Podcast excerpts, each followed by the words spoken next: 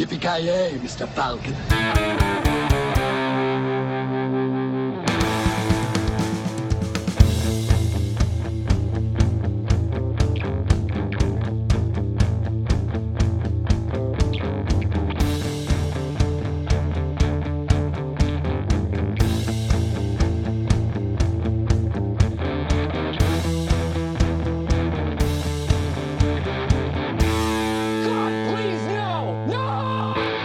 Tjena kära lyssnare! Välkomna till ännu ett avsnitt av Filmsmakarna. Mitt namn är Joakim Granström. I vanlig ordning med mig från Luleå uppe i vårt kalla, karga norra delen av landet. Joakim Avoya, hur står det till? Eh, mycket bra, mycket bra. Ja, Luleå är väl typ, ja, vad heter världen i, i konen? Det, vad heter det? Sveriges svar på det kan man säga. Jag vet faktiskt inte vad världen heter. eller vad heter? Nej, jag vet, kommer inte ihåg. Den har något, den Hyborian har något. Age kallar de det, men jag vet inte vad de kallar världen i sig faktiskt. Jag tror det är Hyboria. Ja, Hyboria tror jag det bara. Jag tror landet heter Hyboria eller något sånt. Någonting på H är det då i alla fall. Jag är ganska säker på. Nåväl, men det ser ungefär ut som i, vad heter det, konen ser det ungefär ut. Det? Och vi rider på kameler och går barbröstade. Ormar och magiker som eh, strider om eh, makt och, och så vidare. Oh ja. Hela tiden. Eh, mycket farlig värld vi lever i. Konstant, konstant. Ja, nej, det var inte så mycket att tillägga där. Okej, ja men du, vi beger oss långt, långt söderut till eh, det inte riktigt lika nordliga Piteå. Kent, hur står det till? Du har garanterat barbröst och eh, loincloth på dig nu förstår jag. Jajamän. Eh, vad, vad säger man? Ski- Skinnpaj eller vad, vad kallas det där som man har? Shrimpie, det var, var inte, inte bara en Det- skinnjacka. Det är ju senare Leify men... eh, Bayern. Hu, djurhudar och bara överkropp. Det är väl så jag skulle beskriva mig själv. Alltså det låter ju jävligt somrigt alltså, det är det. Ja. Ja men det funkar i alla väder. Det är bara att ta på sig mer djurhud eh, på andra ställen så, så klarar man sig. Men jag har en fråga till dig Granström. Ja. Vad skulle du säga är det bästa här i livet? Ja, alltså jag, har svårt att eh, svara på den där eh, frågan men crushing your enemies, driving them before you and hearing the lamentations of their women känns ju som ett självklart svar. Det är bra, det är bra.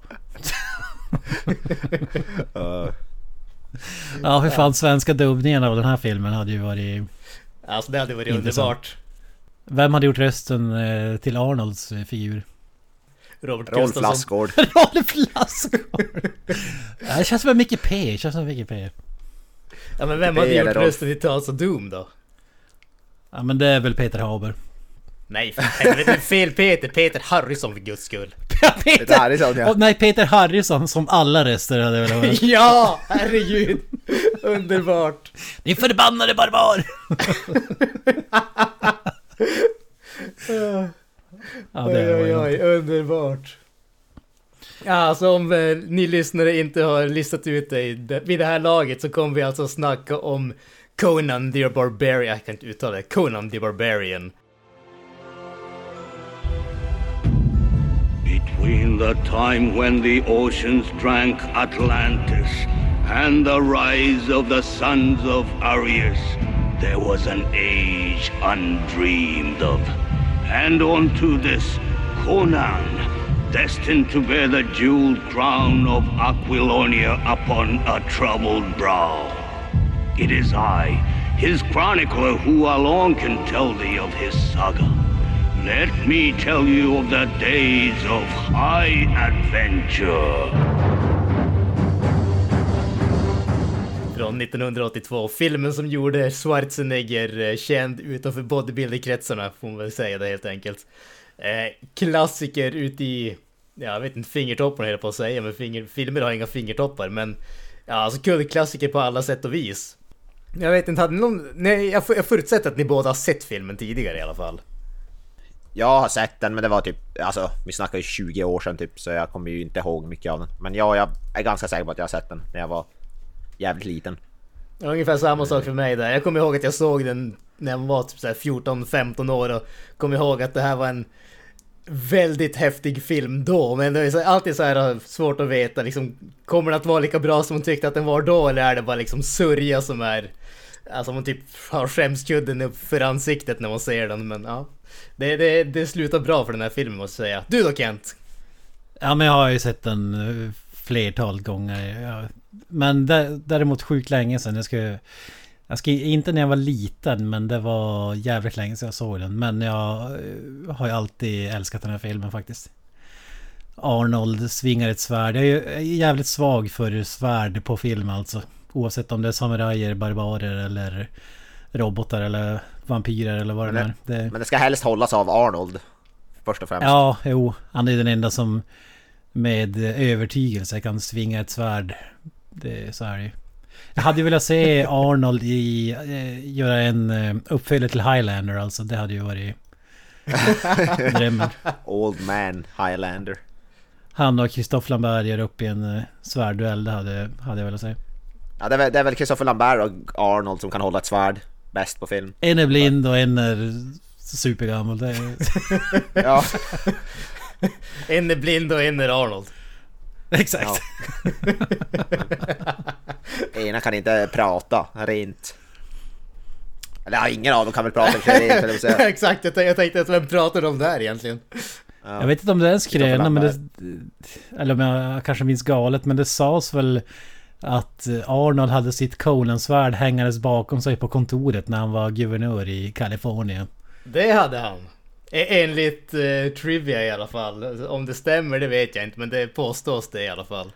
Ja, fy fan vad mäktigt ändå. Tänk om han hade varit president och hade haft eh, I Vita huset. Conan-svärdet. USA hade ju ja, vunnit alla krig innan de ens hade börjat. Hade jag tänkt säga. Alltså, Så han kör sådär presskonferens eller live, sänder live och så ser man svärd i bakgrunden. Då hade ju alla vikit sig. ja, det räcker med att presschefen frågar Arnold, what is best in life? Och så kör Conan, what is best in life? To crush your enemies, see them driven before you, and to hear the lamentation of their women. Ja, fy fan. Det kan vara den bästa filmrepliken någonsin. Grymt, grymt. Tydligen en förkortad version av någonting som sades av Genghis Khan. Fy jävlar. Ja, Ja, det är klart. Var det inspelat på Super 8-film eller? Betamax. Ja, Betamax. ja, ja, det fanns ju garanterat på den tiden. Definitivt. Alltså han, han var ju en eh, oerhörd eh, filmlus så att säga. Underbart. Jag har, jag har hört att Genghis Khan älskade att lyssna på sin Walkman också mycket. Ja, ja, ja, självklart. Alltså han är ju som, vad heter det, han är ju som Jessica Biel i Blade Trinity alltså. När man vet att det vankas action då, på med CD-spelaren, iPod-lurarna i öronen och sen är det bara att köra på för fulla muggar.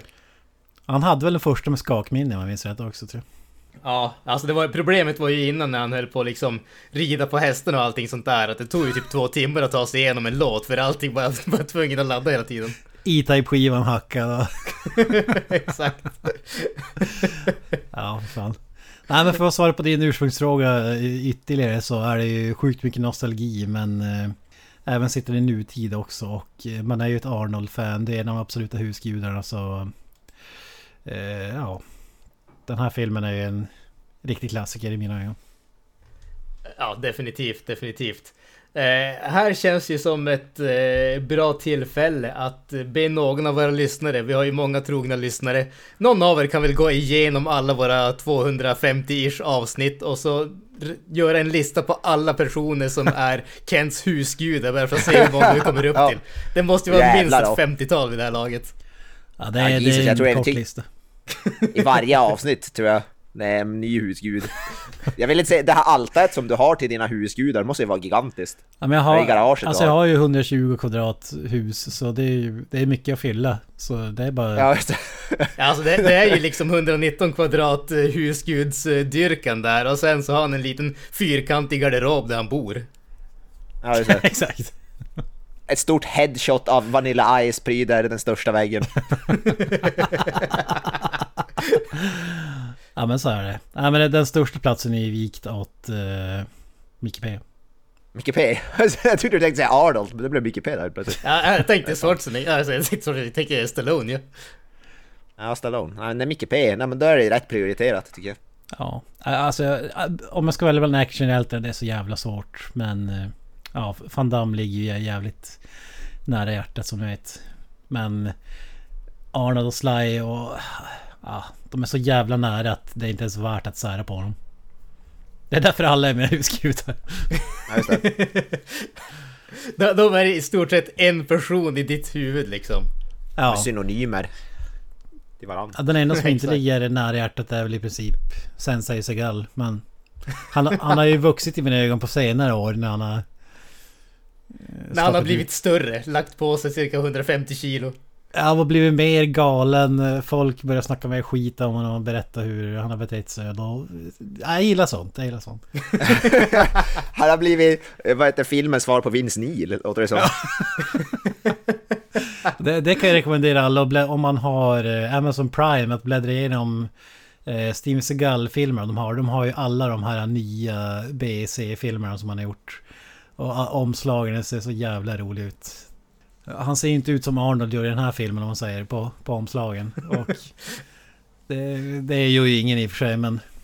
Alltså, jag, jag, nu har jag, inte, jag har inte sett en Steven Seagal-film på jag vet inte hur jävla länge, säkert 15 år. Men det, det man har hört om det är att han har ju typ bli, blivit som eh, Tommy Lee Jones, att han vägrar stå upp numera. Han typ sitter på en stol och gör allting därifrån. Exakt. Ja, hans, Ja, hans fighting-scener är i princip han står helt still och vrider handen på en kille som gör en volt och så är det klart. Det är typ så. Ja, men när man, när man är så badass så behöver man inte, man behöver inte så stora medel.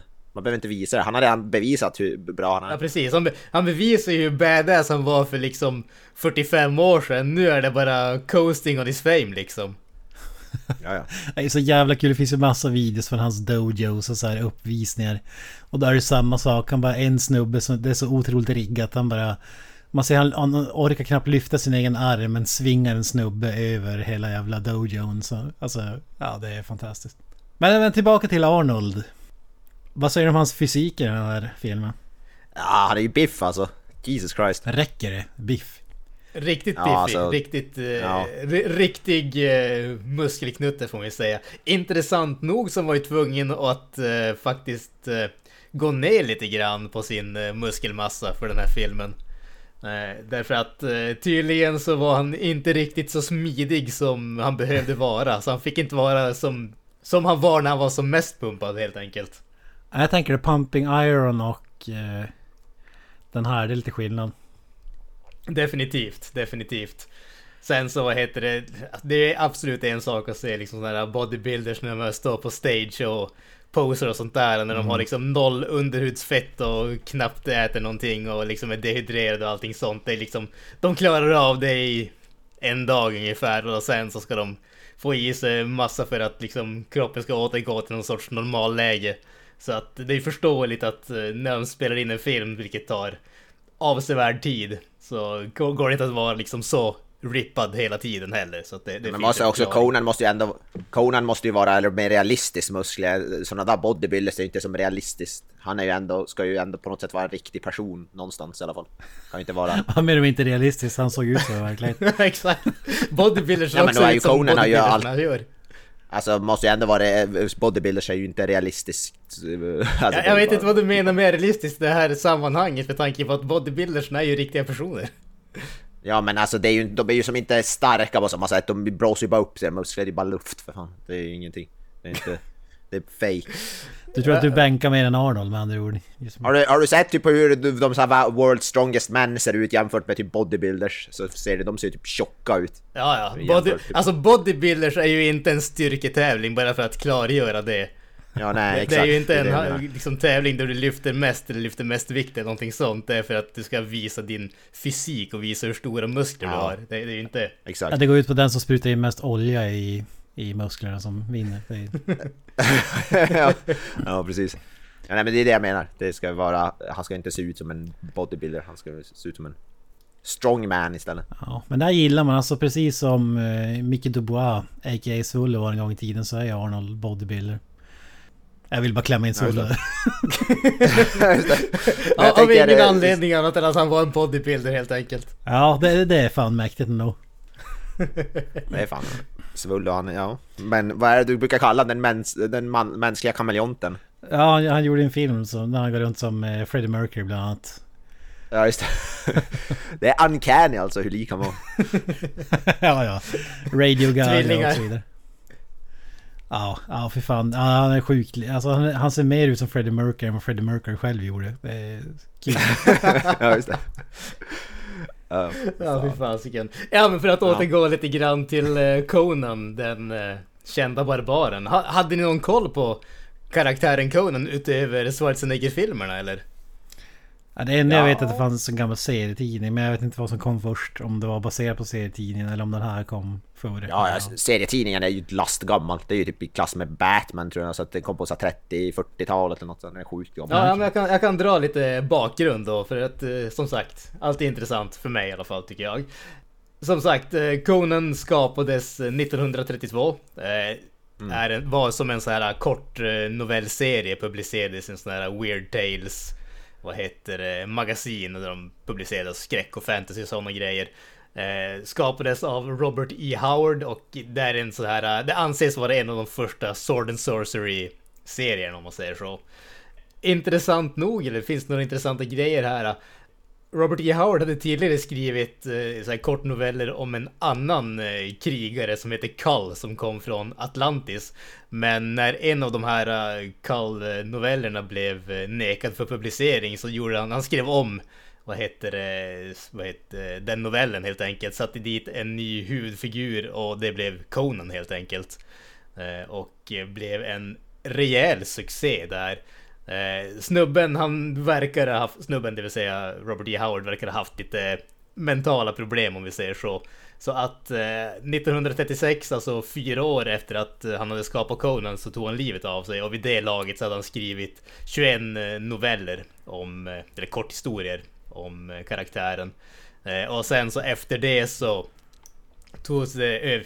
Han ägde inte copyrighten, när han dog så fördes copyrighten över till andra helt enkelt. Så att efter det så var det en massa andra som skrev andra böcker och serier och eh, redigerade om hans originalhistorier och sådana grejer. Så att det var inte förrän 1976, alltså i stort sett 40 år efter att eh, de här novellerna hade blivit publicerade original, så som de släpptes om igen i hans ursprungsversion om man säger så. Det finns inte, det finns inte så, alltså, så många ändå nummer eller vad heter det, att läsa från just originalförfattaren. Nej, Han, släppte, han har inte släppt så många. Precis, det, det är som sagt det är 23, nej 21 Ja. eh, noveller om man, men som sagt efter det så är det bara en jäkla massa som har skrivit en jäkla massa annat om man. Eh, intressant Ja, ja. nog, en, det finns många intressanta grejer här, jag kommer fram till det där ordet. Eh, Tulsa Doom är en skurk i de här Kull-historierna de skrev, så den skurken är också tagen från eh, Eh, de där, eh, vad heter den serien. Och eh, Howard han var en så här korrespondent med H.P. Lovecraft och de verkar ha tyckt om väldigt, varandra väldigt mycket så att de liksom drar in referenser till varandras karaktärer och sådana grejer i sina historier. Så att tydligen så finns det vissa som anser att Conan är en del av Cthulhu-mytologin om man säger så, på grund av de här referenserna som finns där. Det, är, det kan jag ändå tänka mig, för det är en sak som jag vet, det finns ju ett, eh, ett företag, eh, jag, jag vet inte om de är från, om de är danska eller något sånt, ett svenskt spel som gör vet, du, massa Conan-spel, Funcom heter de. Eh, De har gjort massa Conan-spel och de har även gjort ett annat såhär Lovecraft-liknande spel. Så de har gjort båda. Så jag vet inte om det har någonting alls med det att göra, men det är ändå roligt att, att du nämnde det så. Ja, det är lite småcoolt faktiskt. Ja. Jag har spelat en del av det här. Det finns bland annat spel som heter Conan Exile som är en typ av så survival-spel. Så det finns, det finns väldigt många tv-spel baserat på Conan också såklart. Fanns det inte något eh, MMO här för mig också för några år sedan? Ja. Age of Conan. Finns, det fi- finns fortfarande. Jag tror det är hyf- hyfsat populärt faktiskt. Mm. Uh, uh, jo, men det finns, uh, finns mycket. Yes, yes, yes, yes, yes. Yes, yes. Alltså det är ju... Jag, måste säga att den här, eh, vad heter det, karaktären Conan alltså, det är ju en... Det är en, så- alltså jag önskar verkligen att det fanns mer modernt om man, om man säger så. Alltså när det kommer till film och tv-spel och sådana grejer. Alltså kanske mer interaktiva medier. Vi fick ju den där remaken med Jason Momoa som jag inte har sett så jag ska inte uttala. Men det verkar inte vara någon som tycker om den filmen. Eh, Men det känns som att fasiken med tanke på hur populärt det är med alla såna här äh, grejer känns det som ett perfekt grej att göra, en perfekt karaktär att göra ett sånt här nytt typ God of War liknande spel tänker jag. Herregud Ja. vad grymt det skulle vara. Det, fin det finns ett faktiskt eh, från typ 2007 till Xbox 360 och Playstation 3 finns det ett sånt, sånt, exakt sånt typ av spel faktiskt. Fy fasken. Ja, jag vet inte, jag har inte spelat det själv men det är ändå hyfsat omtyckt tycker jag. Så halv okänt eh, hack and slash. Men när du säger remaken, jag tycker det är ganska kul ändå. Alltså Jason Momoa är ju inte liten som... eh, Alltså kroppsbyggnad och så vidare. Men i jämförelse med Arnold så ser jag ut som en tioårig pojke i remaken. Alltså... Helvete vilken skillnad det är. Han, han, hade- han är mer som en sån här John Wick eh, Conan än eh, den här pansarvagnen som eh, Arnold är. i den här filmen. Jag, jag kan väl inte påstå att jag hade gjort något fel problem med just att Jason Momoa är Conan även om jag inte är ett stort fan men den filmen var ju som sagt inte nå Jag hade ju ett eh, antal, jag såg den på bio kommer jag ihåg. Eh, men nej, den är inte speciellt bra så den kan jag rekommendera att man eh, skippar. Jag, s- Jag har inte sett den ja, på jag, jag har också sett den. Men jag- jag minns typ ingenting från den och det säger väl kanske Nej. allt. Men jag har för mig att jag tyckte inte att den var... Alltså han... Han var inte den sämsta castingen men Nej. rent så här kropps... Alltså när man har sett Arnold i en roll och så ska du göra en remake. Alltså det är som om man skulle göra en ny Terminator och så skulle Keanu Reeves spela Arnolds roll. Alltså det blir som... Ja, det, det är någonting som... eh, Han har några steroider kvar innan han är uppe på den nivån så att säga. Det är väl John Cena Han skulle kunna spela en bra Conan. Alltså vem skulle kunna spela en bra Conan om nu inte Jason, eller är det Jason Momoa bara att han ska lägga på sig lite, några kilo så hade han kunnat se bättre Nej men ut. det är Arnold såklart. Ja, ja men nu, ja, nu, nu skulle väl Arnold skulle väl sträcka ett antal muskler och få ryggproblem om han ens Ja, men det, det har väl lyfter varit snack i ganska, jag vet inte om det är nedlagt, men det har ju snack gan- ganska många år om att han ska spela någon sån här... Det? Gammal uh, Ja. barbarkung. Alltså, Precis, Typ de, en, de, de har ju varit... Eh, det, var ju tal, det, var, det var ju redan när de gjorde den här filmen eh, så var det ju tal om att det skulle bli en serie filmer men de kom aldrig längre än till eh, två filmer. Men sen så... Vad heter det? Jag tror att innan... Eh, Det var innan Arnold de började med remaken så började de prata om att de skulle göra en eh, King Conan-film. Alltså där han är en, en äldre Conan och har blivit kung och hela den där biten. Och sen så gjorde de remaken och så typ, eh, vad heter det, floppade den eh, gigantiskt. Och det gjorde väl att, så, så vitt jag förstår så gjorde det att King Conan-projektet eh, lades ner också. Tyvärr. men det tog väl fart när, när Arnold gjorde comeback. Jag vet inte vilket år det blir nu. Det är fan länge sedan nu. Typ 2005? Eller det var det senare? Ja. Jag vet inte när remaken kom men... Eh, re, var inte 2011. typ 2010 tror jag. Eller ja, 10 eller 11. Ja, ja 11 okej. tror jag. Ja då är det nog efter hans comeback måste det väl vara. Ja.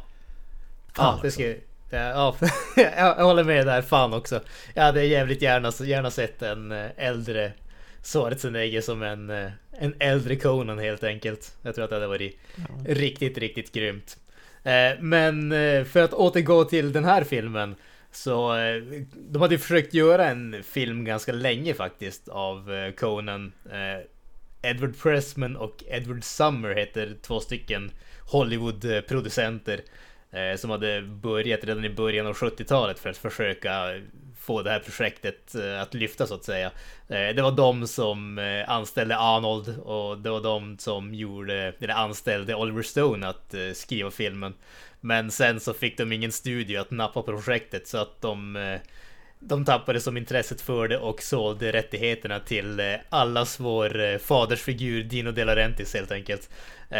Han anställde John Milius som regissör och han skrev ju även om manuset också lyckades få igång hela projektet så att säga. Det tycker jag, det förvånar mig att Oliver Stone ligger bakom manuset. Det hade jag absolut ingen aning om. Det var faktiskt förvånande. Han skrev det, vad heter det? Eh, det är tydligen väldigt lite av eh, hans manus som är kvar i den slutgiltiga filmen. Ja, ja. Eh, Ja. Oliver Stones manus, han är tydligen, han var tydligen typ eh, mitt inne i någon sån där alkohol slash drog eh, beroende fas. Så att eh, det. John Milius, eh, vad heter det, beskrev hans manus som typ a drug fueled fever dream eller någonting åt det hållet. Oh, det Eh. låter ju awesome. det, var, det var tydligen den utspelade sig i en sån här postapokalyptisk framtid och Conan slogs mot, eh, vad heter mutanter i den, eh, den filmen. Så att... Det låter ju som typ Flash Gordon möter Conan. Låter lite grann åt det hållet faktiskt. Men eh, John Milius, han som sagt, han skrev om filmen, satte den i vad man ska kalla det, rätta tidsepoken eller vad man ska kalla det. Men han behöll tydligen vissa av scenerna och det är därför som Oliver Stone fortfarande står kvar som eh, vad heter det, författare. Bland annat den här eh, korsfästningen kom från Oliver Stone. Innan vi går vidare ska jag bara säga, jag gjorde lite efterforskning här. Och eh, Co eller Colan, Arnold gjorde comeback runt 2010 där med Expendables och så vidare.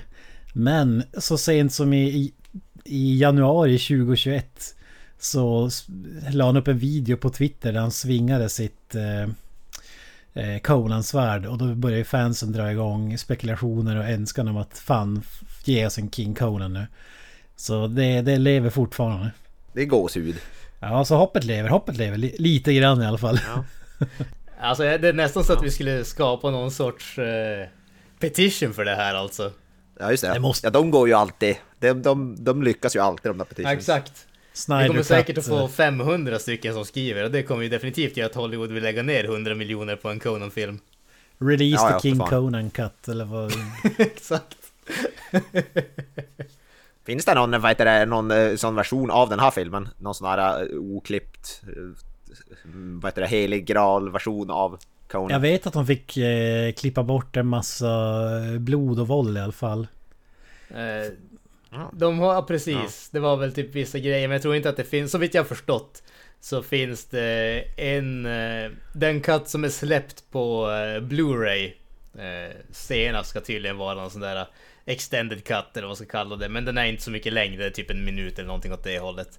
Eh, och det, det är i stort sett som sagt, det är lite mer eh, våld eh, vad jag har förstått. Ormvåld, kamelvåld. sen så vad heter det? Eh, Så, som Kent säger att tydligen innan de släppte filmen så var de tvungna att klippa bort stora mängder blod och sånt där. Men det, det har aldrig varit någon extended cut eller förlorad version av filmen som har kvar de grejerna vad jag förstår i alla fall.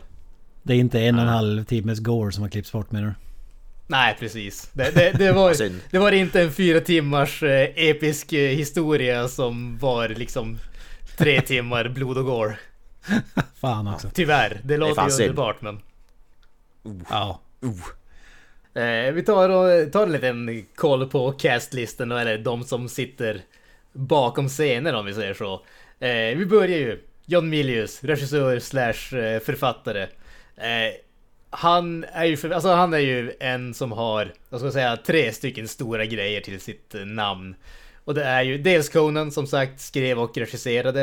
Eh, var med och skrev Apocalypse Now och så skapade han ju min absoluta favoritserie Rome för HBO. ja Någon snubbe okej. som ni har koll på? Eller hans grejer i övrigt? Ingen aning. Jag såg här Rough Riders tänkte jag direkt på DMX men det var fel stavning. Det här var någon Civil War eh, reenactment tv-serie. Det var inte... Men han har gjort, han har ju en film som heter Red Dawn som jag inte har sett men som är ju någon slags också kultklassiker. Jag vet inte, någon krigs, eh, krigsfilm från 80-talet. Ja, precis. Eh, precis. Med Patrick Swayze, C. Thomas Howell, Charlie Sheen och så vidare. Ja. Han är ju... Nu, jag ska inte säga att jag har jättebra koll på det här, men han är väl en lite smått kontroversiell figur eftersom han tydligen har ganska så... Eh, ganska hårt konservativa eh, syn på saker och ting om vi säger så. Eh, så just han eh, har väl enligt, enligt honom själv så har han väl typ blivit blacklistad från delar av Hollywood. Hur väl det stämmer det vågar jag inte svara på men... eh, Han har cancelat sig själv menar du? Än en gång, jag vågar inte svara, sä- säga varken bu eller bä på det. Men eh, som sagt, verkar tydligen vara en lite kontroversiell figur. Sen så har vi ju Basil Poliduris, en snubbe som jag aldrig någonsin hört talas om. Men han skrev musiken till den här filmen och jag måste säga Ja. att musiken är ju helt jävla fantastisk alltså. Ja. Det, det är... Alltså det är bland det bästa filmmusik någonsin. Ärligt talat. Den är så jävla bra. Det är faktiskt riktigt bra. Ja, sjukt bra. Det, det lyfter i filmen. Ja, det kanske mer... Alltså det passar filmen så jävla bra. Det är väl kanske mer det som...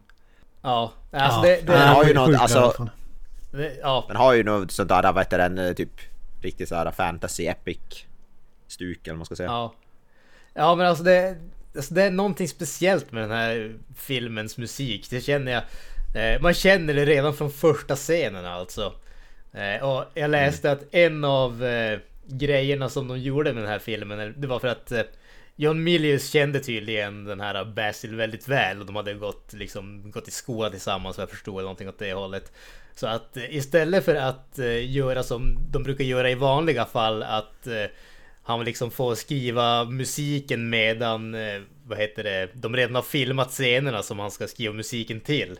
Så vad heter det, var han med liksom långt innan det och de pratade liksom okej, okay, för de här delarna av filmen vill jag ha den här typen av musik, den här typen av känsla och sådär.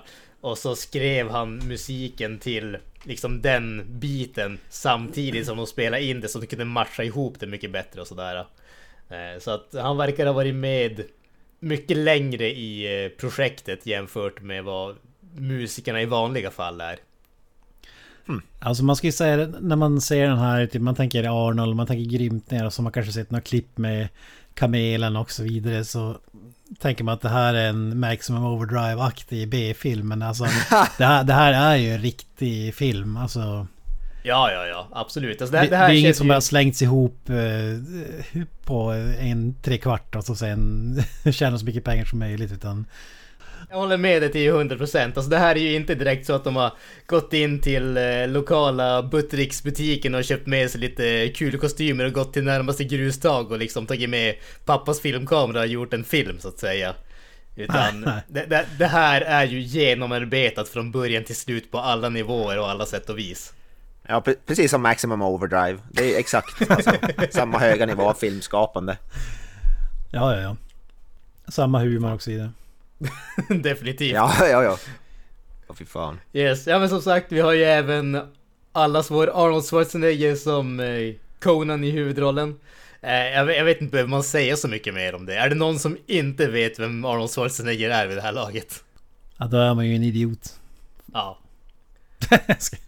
ja men alltså, nä, ja, men alltså nästintill, kom igen. Det är fan befogat. Vi respekterar eh, andra folks åsikter. Ja, någorlunda.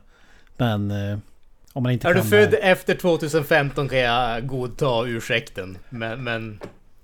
Är du född fem minuter efter att det här avsnittet eh, släpps då kan jag förlåta dig. Men i övrigt... Då är det fortfarande inte förlåtet skulle jag vilja säga. Nej, det är sant. Nej, det, det var väl too much slack på linan. Jag tänker att det är någonting man får med modersmjölken, höll på att säga. Conan med modersmjölken. Ja, Arnold i alla fall.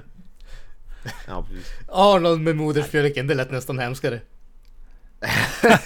Nej, fy fan. Jag tycker det låter helt rimligt. Ja, ja.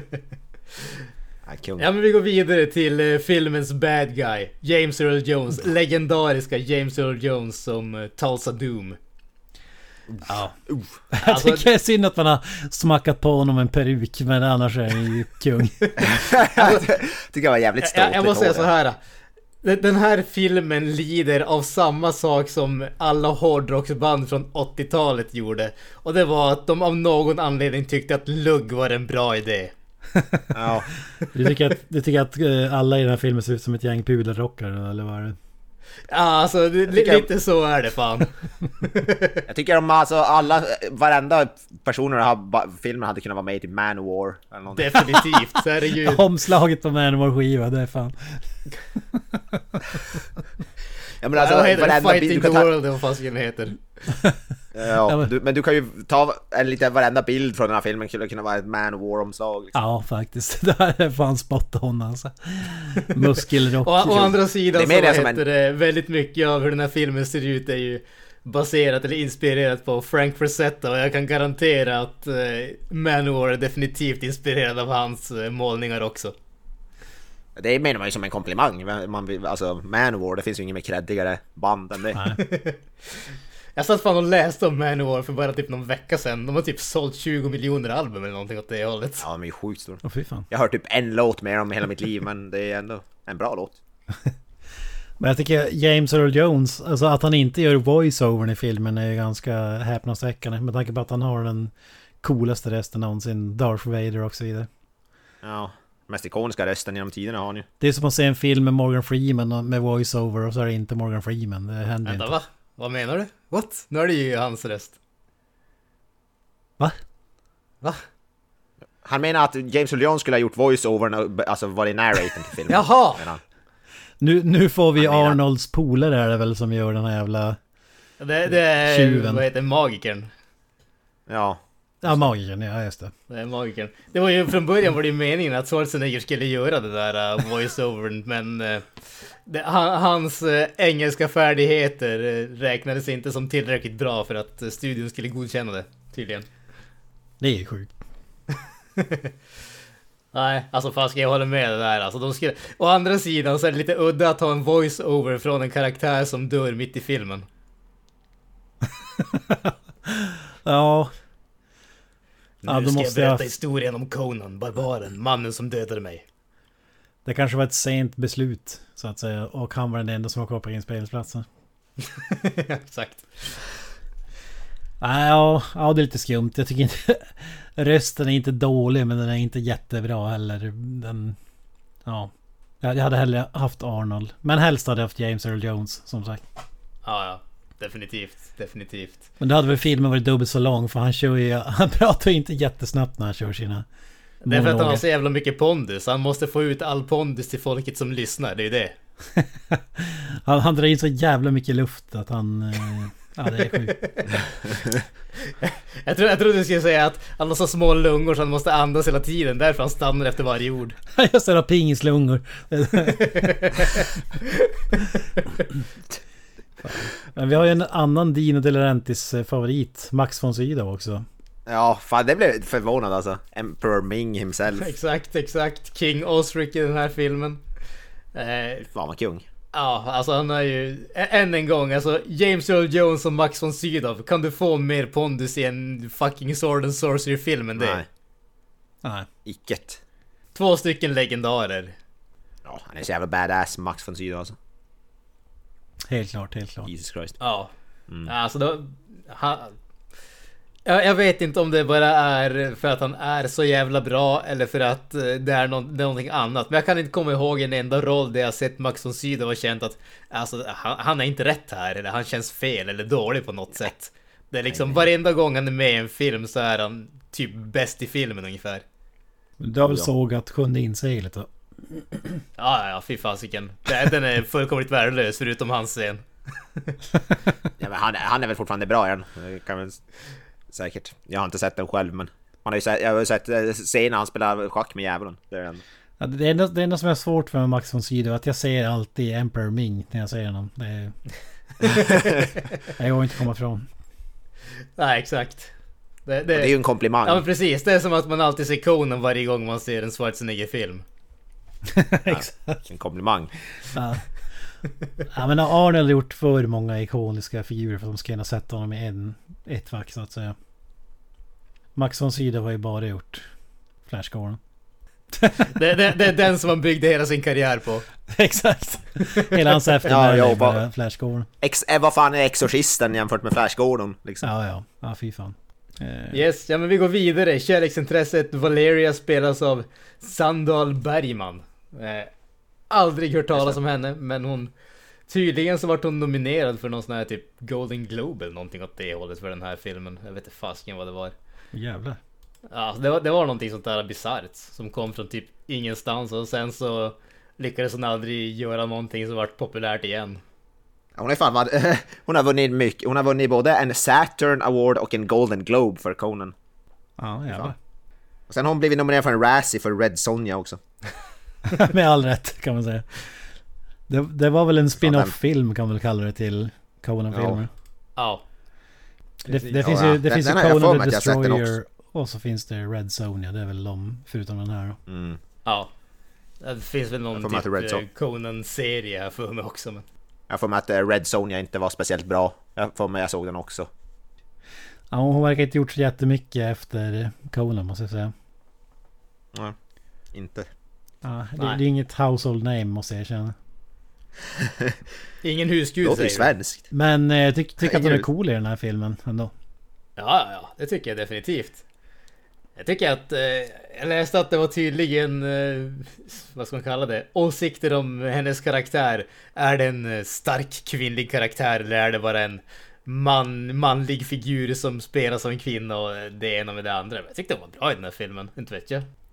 Men inte jag någon sån där ultrafeminist som går och klagar på de sakerna i vanliga fall heller, men jag menar, vad, vad, vad, vad skulle det varit annars om man säger så? Nej. Ja, det, det, enda jag kan tänka, det enda klagomålet jag hade kunnat tänka mig är att det kanske är lite väl uh, kuttersmycke snarare än någonting annat i vissa scener. I, Alltså, ja, i vissa scener, men på det ja, stora men med hela. dagens eh, klimat, att det, det var det man skulle klaga över. Men ja, jag vet inte. Inte vet jag. Nej, det- jag, jag, jag tycker den är cool i alla fall. Jag, jag tycker det var ganska kul också trivia där att hon var så jävla stor att det fanns ingen stuntkvinna av hennes storlek som fick göra stuntsen själv. Det var ju... Ja, fy fan. Och det kostade tydligen eh, toppen av ett finger för, i, under en svärdfight. Fy Oj, fasiken. oj, oj. Ja. Mm. Och det är Det är badass. kul. Ja. ja, man kan ju inte vara med i konen och gå därifrån utan är helt enkelt. Ja, för fan, tappar man, en- tappar man ett finger under en inspelning av Conan Barbarian, det tar man som en badge of honor. Exakt. Hon kör Vince Neil-taktiken där någonting måste brytas eller kapas eller... Ja, just det. Jävligt metal alltså. Mm, Ta tillbaka till Man of War. Finns det, det? Det är ett gäng bodybuilders också. Typ han Franco Columbo ska till och med vara känd med alla hört talas om. Va? Har du aldrig hört talas om. Franco Colombo? Han är ju typ med lika mycket som Schwarzenegger i Pumping Iron, herregud. Åh fy fan. Kort italienare. Hade gigantiska lats, de kallar han The Bat eller någonting åt det hållet jag för mig. Och jag ser han, han har även eh, cameo i The Running Man och eh, Terminator första filmen. Ja. Vi nämnde han i The Running Man avsnittet kommer jag ihåg i alla fall. Ja just det, ja det gjorde vi fan. Spelar inte, han spelar inte han någon av de där uh, Hunters, alltså, eller vad fan är de där? Nej, var han inte någon av de där snubbarna som sitter vid typ en dator eller Security officer. Jaha. Ja, precis. Nummer Okej. två. Kanske var. Exakt. Ja, nej men han var ju, vad heter Nej, det, han var ju en nära vän till eh, Schwarzenegger så han gjorde lite cameos i hans filmer och sånt där och hjälpte han träna inför de här filmerna och sånt där. Ja, just det. Yes, yes. Vi kan ju runda av eh, castlisten med eh, Gary Lopez som spelar Subotai, Can... eh, Heter Cannibal? Conans... Eh, Conans sidekick i den här filmen. Eh, tydligen en snubbe som vad jag förstår inte egentligen var en eh, skådespelare alls. Han var eh, vän med, eh, än en gång, John Milius verkar ha många vänner. Eh, de var tydligen surfkompisar eller någonting sånt där. Eh, och han, Gary Lopez var tydligen en sjukt duktig eh, surfare.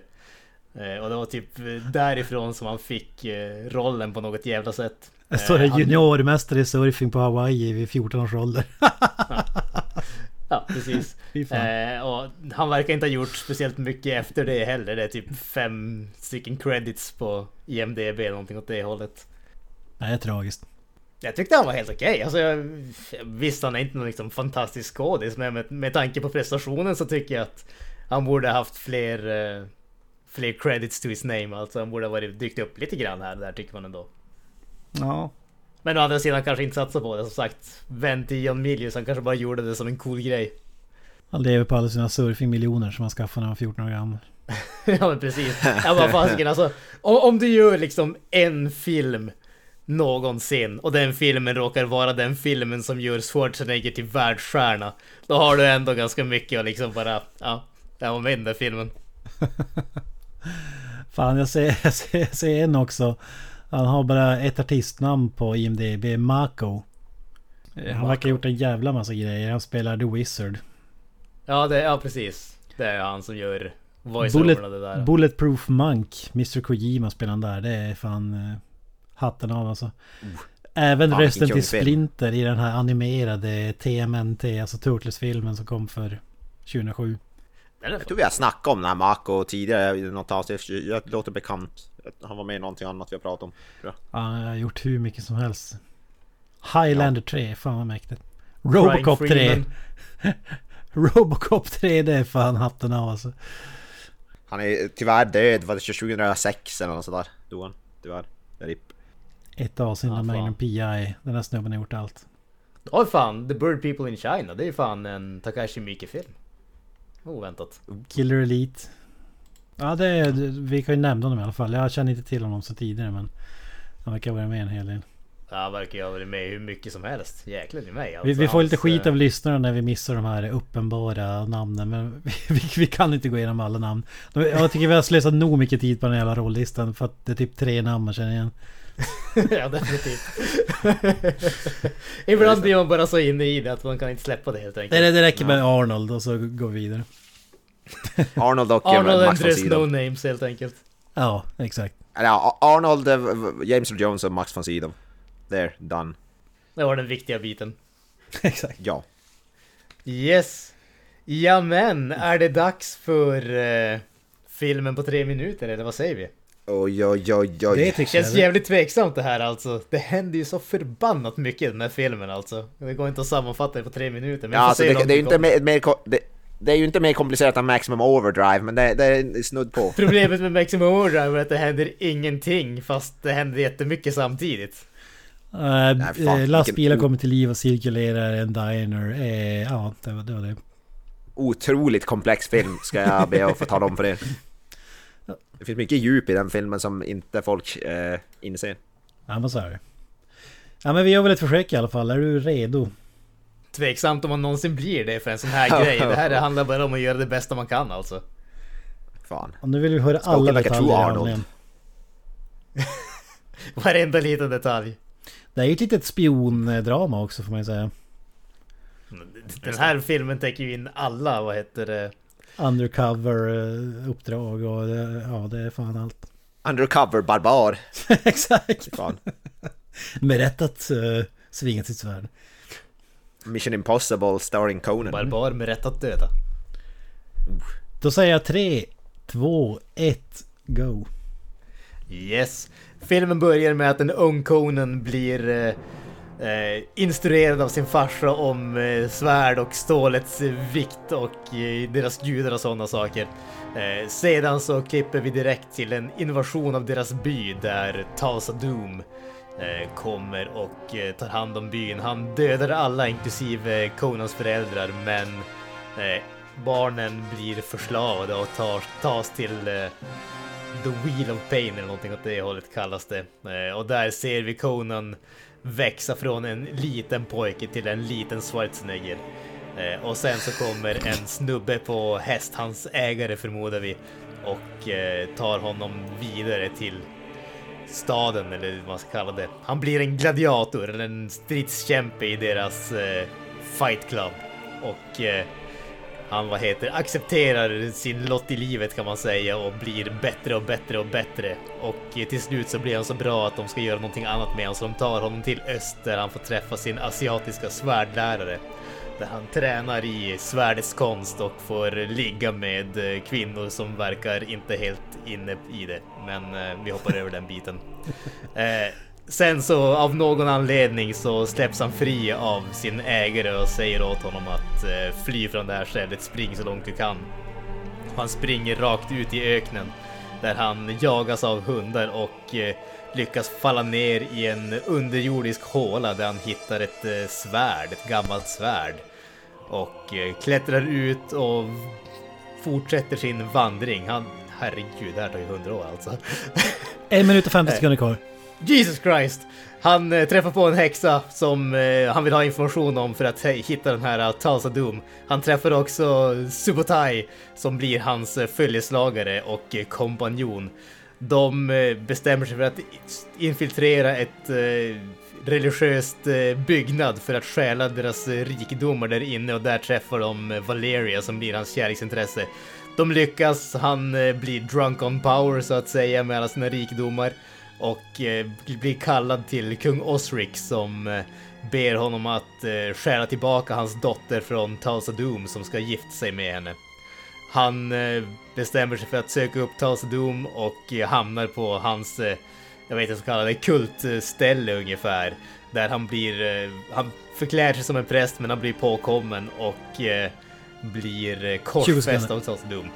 Eh, han blir han dör, han blir återupplivad och han vad heter sticker tillbaka under cover på en kannibalorgi och eh, räddar prinsessan. Valeria dör men sen så blir det en gigantisk strid och så vinner han den och får tillbaka sin pappas svärd och sen så går han tillbaka till den här kultstället där han hugger huvudet av Tals Doom med sin pappas svärd. The end. Ja, 306, det är inte godkänt. Ja, tragiskt, tragiskt miss. Ja, det, det, det, det var lite Jag lätt trodde- på detaljer i slutet. Det var nära en klassiker där du skulle fastna på andra scenen där. Jag tänkte fan nu... Ja men alltså som sagt, det händer så jävla mycket i den här filmen alltså. Fy fasiken vad mycket det händer. Som jag sa, som jag sa eh, innan vi började spela in, alltså den här filmen är två timmar och tio minuter. Det finns inte en död sekund här alltså. Nej. Ja, det, och det gillar man ju. Definitivt. Ja men vad tyckte ni om filmen? Avoya, du som inte hade sett den på 15 eller 20 år eller vad det nu var. Vad tyckte du?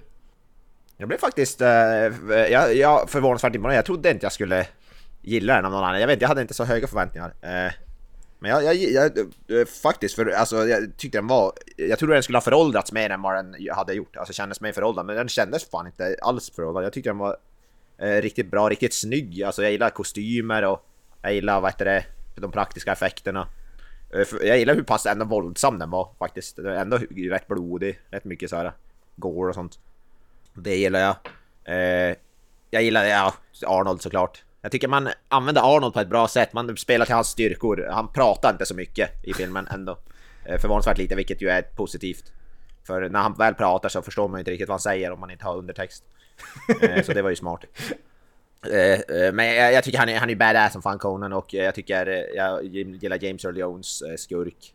Riktigt skräckenjagande. skräckinjagande. Badass.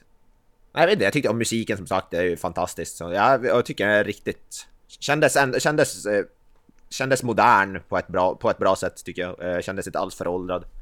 Det var en del kanske tvivelaktiga som vi heter det, kommer in på säkert. eh, eff- Specialeffekter möjligtvis men... All in all så är det ju eh, faktiskt eh, riktigt bra och har åldrats riktigt väl faktiskt. Så eh, ja, solklar tummen upp måste jag Nice, nice. er- erkänna. Ja, på tal om effekter. Jag tycker ändå man har valt sådana effekter. Alltså det är mycket praktiskt och sådär. Och det...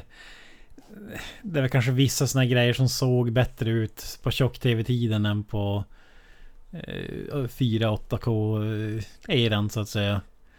Men definition-eran kanske inte är snäll mot alla filmer som var gjorda på typ början av 80-talet och tidigare. nej, då sägs när, om du har ett gummihuvud kanske inte syntes så jäkla bra. Men nu syns det ju jävligt bra. Det är en sån, såna grejer. Ja, jo. Men- Ja, det, ja, huvudet. Ja, det kommer vi till. Att avkappa huvud. Ett visst särskilt avkapat huvud. Så ju Ja, precis. lite tveksamt ut.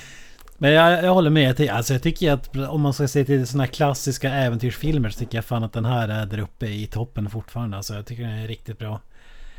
Som sagt det händer mycket hela tiden men det är inte så här som filmer kan vara nu att det är typ snabba klipp och det bara händer grejer du hänger inte med utan du, du fattar ändå vad som händer. Det är som... Ja men det, det är fan jävligt bra film bara helt enkelt. Du, vi har ju nämnt allting. Musik, allt från musiken. Jag tycker Arnold är klockren. Han är som gjord för den här rollen. Och jag tycker ändå, jag såg filmen utan undertext. Jag tycker ändå man hör allting. Vad han säger. Bort, det är ju bara grymtningar man eh, kanske garvar lite och när han eh, Det, det här är ju en klassisk sån här, Ja, den som vill ha mycket Arnold-grymtningar det, det är ju den här filmen man, man ska säga alltså när han eh, kör ju ganska hårt där men fan jag skulle vilja hävda att hans brytning är mindre än i många andra filmer. Ja, det kan jag väl ändå på. Jag vet inte fan vad det beror på om, det, om det är den här klassiska... Han hade tydligen en uh, talcoach för att eh, arbeta bort så mycket av brytningen som möjligt i den här filmen. Och sen insåg han att fan min karisma hänger mycket på att jag har den här jävla brytningen så därför spär jag på den extra i, i resten av filmen jag gör, eller i filmer jag gör resten av livet. Typ så. Fan, alltså, alltså det, du sa det lite grann men det var jag förvånad över hur pass ändå långsam och som lågmäld filmen är på många sätt. Den var alltså inte alls då så här som man är van, högoktan action Arnold. Det var ju ganska hyfs, hyfsat få actionscener ändå relativt till hur lång filmen är och så vidare. Jag. Det vart jag faktiskt förvånad Jag kan över. tänka mig att om folk skulle såga den här filmen då är för att den är jävligt långsam att det inte händer så mycket typ. Ja, det gillade jag. Jag tyckte det var en positiv överraskning.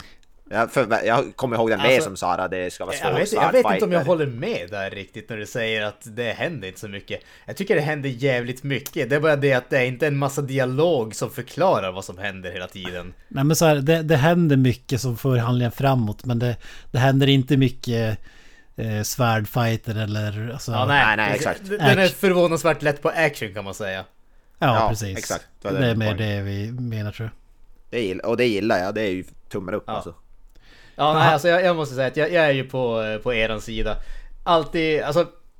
Det som är så kul med att göra den här podden, det är de där gångerna som vi ser någon sån här gammal film som man såg när man var liksom 13, 14, 15 år och har liksom vaga minnen om att man tyckte om den och så sen så ser man den igen och man är liksom alltid lite så här oroad. Är det en bra film fortfarande eller tyckte jag bara om den för att jag liksom var en omogen skitunge som inte fattade vad jag såg på ungefär? Och Ja, det var du. ja, det var jag definitivt. Men den här filmen håller ju fortfarande, precis som ni har sagt. Eh, jag, jag tycker att den här är ju... Jag skulle nästan gå så långt som att säga att jag tycker att den här filmen fan gränsar till mästerverk. Jag, jag verkligen älskar den från första, vad heter det, första scenen i stort sett. Det enda, i stort sett det enda som jag inte tycker om i den här filmen, det är den där Nietzsche-kvoten från, som öppnar filmen. Eh, det som inte dödar den gör det starkare bara för att det känns inte nödvändigt på något som helst sätt tycker jag. Eh, men bortsett från det så tycker jag att den här filmen är i stort sett klockren från början till slut alltså. Som ni har sagt, Schwarzenegger, han är född för att vara Conan alltså. Det, det finns inte något annat sätt att säga det på. Jag tycker att James Earl Jones, han är ju fucking awesome alltså. Rösten hans är ju så... Den är ikonisk men den funkar så jäkla bra till en sån här skurkroll. Och han har ju ändå ett sånt där... äh, Alltså han, han har pondus, både, inte bara i rösten men även hur han agerar. Alltså det känns verkligen som att han är van att eh, göra de här. Alltså han är ju en, eh, vad ska man säga, en teaterskådis i grund och botten. Och jag tror att lite grann av den här, eh, de stora rörelserna som han kör med, eh, som kanske i en mer lågmäld film hade det kanske upplevts som för mycket. Men i en sån här film som är larger than life så är det klockrent. Eh, sen som sagt, alla andra skådespelare tycker jag, de är bra till eh, riktigt bra tycker jag.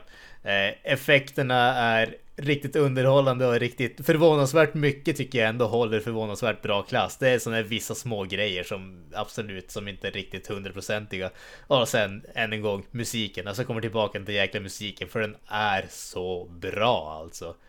Eh, Så att, alltså för, för mig så är den här filmen typ 11 av 10 alltså. Jag, jag trodde att det skulle vara någon sån här... Ja, den, den är typ okej, okay, men kanske liksom man ser att ah, det var ändå gjord liksom för 40 år sedan, det märks. Men alltså den, den herregud vad bra den här filmen är alltså. Jag är typ over the moon alltså. Alltså man tänker på vad det är för typ av film. Alltså en film om eh, Conan the Barbarian. Den borde inte gå att göra så här bra. Alltså det... det Nej. Ja. Grejen med den här filmen är att den är ju så... Det finns så mycket karaktär i den. Både alltså karaktärerna i sig, men världen har ju så mycket karaktär också. Det, det som sagt, alltså... När jag tänker billig genomsnittlig fantasy, då, som jag sa tidigare, så då tänker jag typ eh, billiga kostymer filmat i lokala grustaget ungefär. Och som, som du säger, alltså det här är en riktig film. Det är ju det som separerar den från alla de andra sakerna. Ja, ja men det är det. Men eh, trots alla hyllningar så finns det ju mycket att eh, göra sig rolig på det, dens, dennes bekostnad så att säga. Absolut finns det lite, lite små grejer att, eh, att, vad ska man säga, kommentera. Håna kanske i vissa fall, men som sagt, det, det är ingenting som förstör helheten för mig i alla fall. Nej, sammanfattningsvis den håller så har man inte sett den på tag. Eller har man inte sett den överhuvudtaget så är den definitivt värd sig. Tveklöst. Oh, ja. Yes, ja men ska vi ge oss in på kanske lite Lite scener så att säga. Kent, du ville börja redan från början av filmen alltså med den här lilla inledningen där Young Conan får ett litet uh, infodump av sin farsa. Ja, de, de sitter där och pratar om att svärd är det bästa som finns i hela världen och Crumb ska avgudas och så vidare. Men, men det, är, det är, och det är en helt vanlig scen. Det, det sitter bara far och son med ett svärd. Och så i bakgrunden så är det bara eh, himmel och lite moln som rör sig. Och jag kan, jag kan inte fatta varför den här scenen är gjort med någon slags green screen. Alltså det, det ser ungefär ut som i, i film, dåliga filmer när de kör bil och, och så ser det som... Alltså du ser ut genom bakrutan att det är för jävla dålig någon sån där projektorduk bakom dem med, med en väg som, som inte passar med rattens rörelser och så vidare. Alltså det, det är på den nivån. För att resten av filmen har i princip ingen av de här... Alltså du har ingen green screen bakgrund man kan komma på utan det är bara den här scenen. Och jag tycker det är så jävla märkligt. Jag vet inte, har ni någon teori varför man skulle välja att ta det just i den här. Alltså det är bara att gå ut, alltså gå ut i, i naturen bara och filma skiten. Eller alltså öppna dörren till studion. Då har du himlen bara och så rigga upp eh, kameran. Jag vet inte. Jag förutsätter att det typ regnar eller någonting åt det hållet. att det här, var, det här var reshoots eh, en vecka innan filmen hade premiär eller någonting och det regnade regnade så mycket att man inte kunde filma ja. en himmel. Exakt. Uh, jag började garva, jag tyckte det var sjukt konstigt. Alltså, det hade varit en sak om det var så här borgar i bakgrunden eller klippor eller någonting. Men det är fan ingenting särskilt. Det var en helt vanlig... Jag skulle kunna kliva utanför huset här på samma bakgrund. Google. Har du försökt hitta något, googla på det här och se vad det, anledningen kan vara? Ja, så här, tio saker du inte visste om Conan Barbarian. ja, exakt. Har du hittat Plats nummer ett. ja, jag tyckte det var jävligt uh, märkligt bara. Ja, Obefogad ja, green screen. Det är hatten av. hatten av. Det kommer lite grann från ingenstans. Jag kan inte påstå att det var någonting som jag reagerade på lika starkt som du, men... Nej, men det är så jävla dåligt. Det är som att det är ur fokus också. Ljuset är helt annorlunda jämfört... Ah, det... Med tanke på hur filmen ser ut i övrigt så är det jäkligt eh, synd i alla fall tycker jag. Men det är väl som bara filmnörd som jag som noterar sånt där. Ja, förmodligen är det så. Vi andra som inte är filmnördar, vi tänker uppenbarligen inte på det. Exakt. ja, men vi måste ju... Vi är ju inga konnässörer. Nej, exakt. Vi är inga filmkonnässörer som finsmakare. du. exakt. Finsmakare. Filmsmakare så att säga. Ja, den här gulliga stunden blir inte långvarig för att eh, farsan får ju bite dust ganska omgående. Dun, dun, dun. Another bites dust.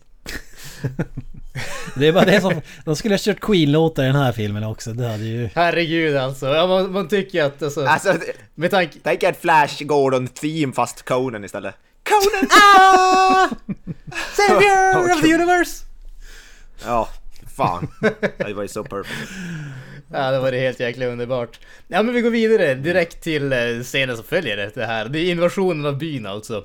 Eh, där deras lilla liv eh, rasar samman, om jag ska kalla det. Eh, Conans föräldrar blir dödade. De jag... Folk jagas av hundar som tydligen var typ livsfarliga. För de var typ omöjliga att kontrollera. Så när folk sprang från dem sprang de typ för glatta livet ungefär. Jag måste säga att de ser alltså. inte skräck ut, injagande ut på film. Men eh, det kanske var en annan sak att vara där. Ja, det måste ju ha varit det alltså. Alltså det, det, det enda som inte såg skräckinjagande ut, som snarare fick dem att se nästan lite för gulliga ut. Det var ju de där typ hattarna som hundarna hade. Jag förstår att de är där för att skydda deras huvuden, men det av någon anledning så såg det bara såhär... Mm, jag vill klappa det. Det hade lika gärna kunnat vara gulliga julklipp på YouTube. Det så. ja men typ. Det hade blivit sådär puppy bowl ungefär. Men jag håller med. Alltså det är som... I, i sådana här filmer då brukar det vara stora vargliknande bästare som jagar dem. Men här var det typ så att det var en golden retriever ungefär. med den känslan. Var lite kul. Ja.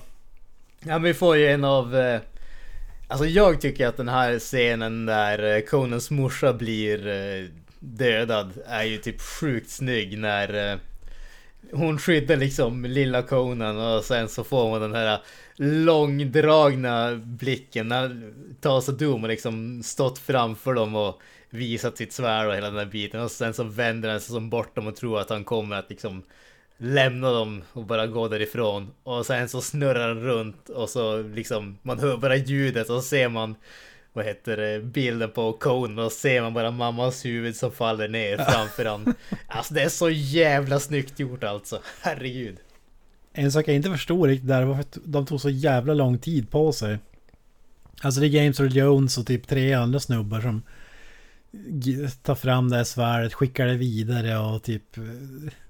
Alltså jag, jag vet inte fan vad som var så speciellt med, med Conans morsa. Men Fick man Det veta kallas dramatisk spänning Kent.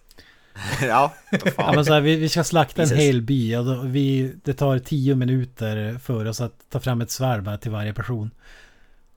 Ställ, ställ er i, i kö här så ska James, James Ja. Earl Jones strax ta hand om er.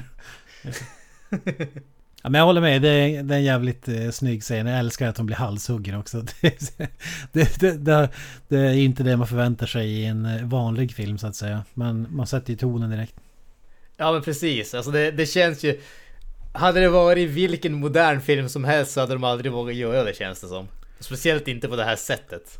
Kanske, kanske ett så här svärd i bröstet och så ligger morsan och pratar med lilla Conan i tio minuter innan han dör. Alltså, Nej, jag vet vad det hade varit. De hade flytt och så hade folk skjutit efter dem med pilbågar och så hade hon fått en pil i ryggen och sånt där. Och så hade hon liksom, ja, kunnat, hade hon kunnat ha de här sista farvälet och sådär och sen så hade hon lagt sig ner och Run, Conan, Exakt, run! run Conan run! Och så hade hon liksom legat kvar där. Och det hade blivit så sorgligt och ja, det där.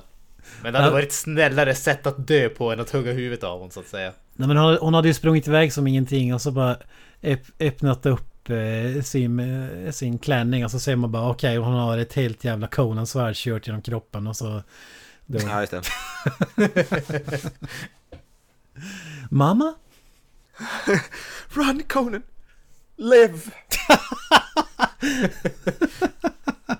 Fan vad kul.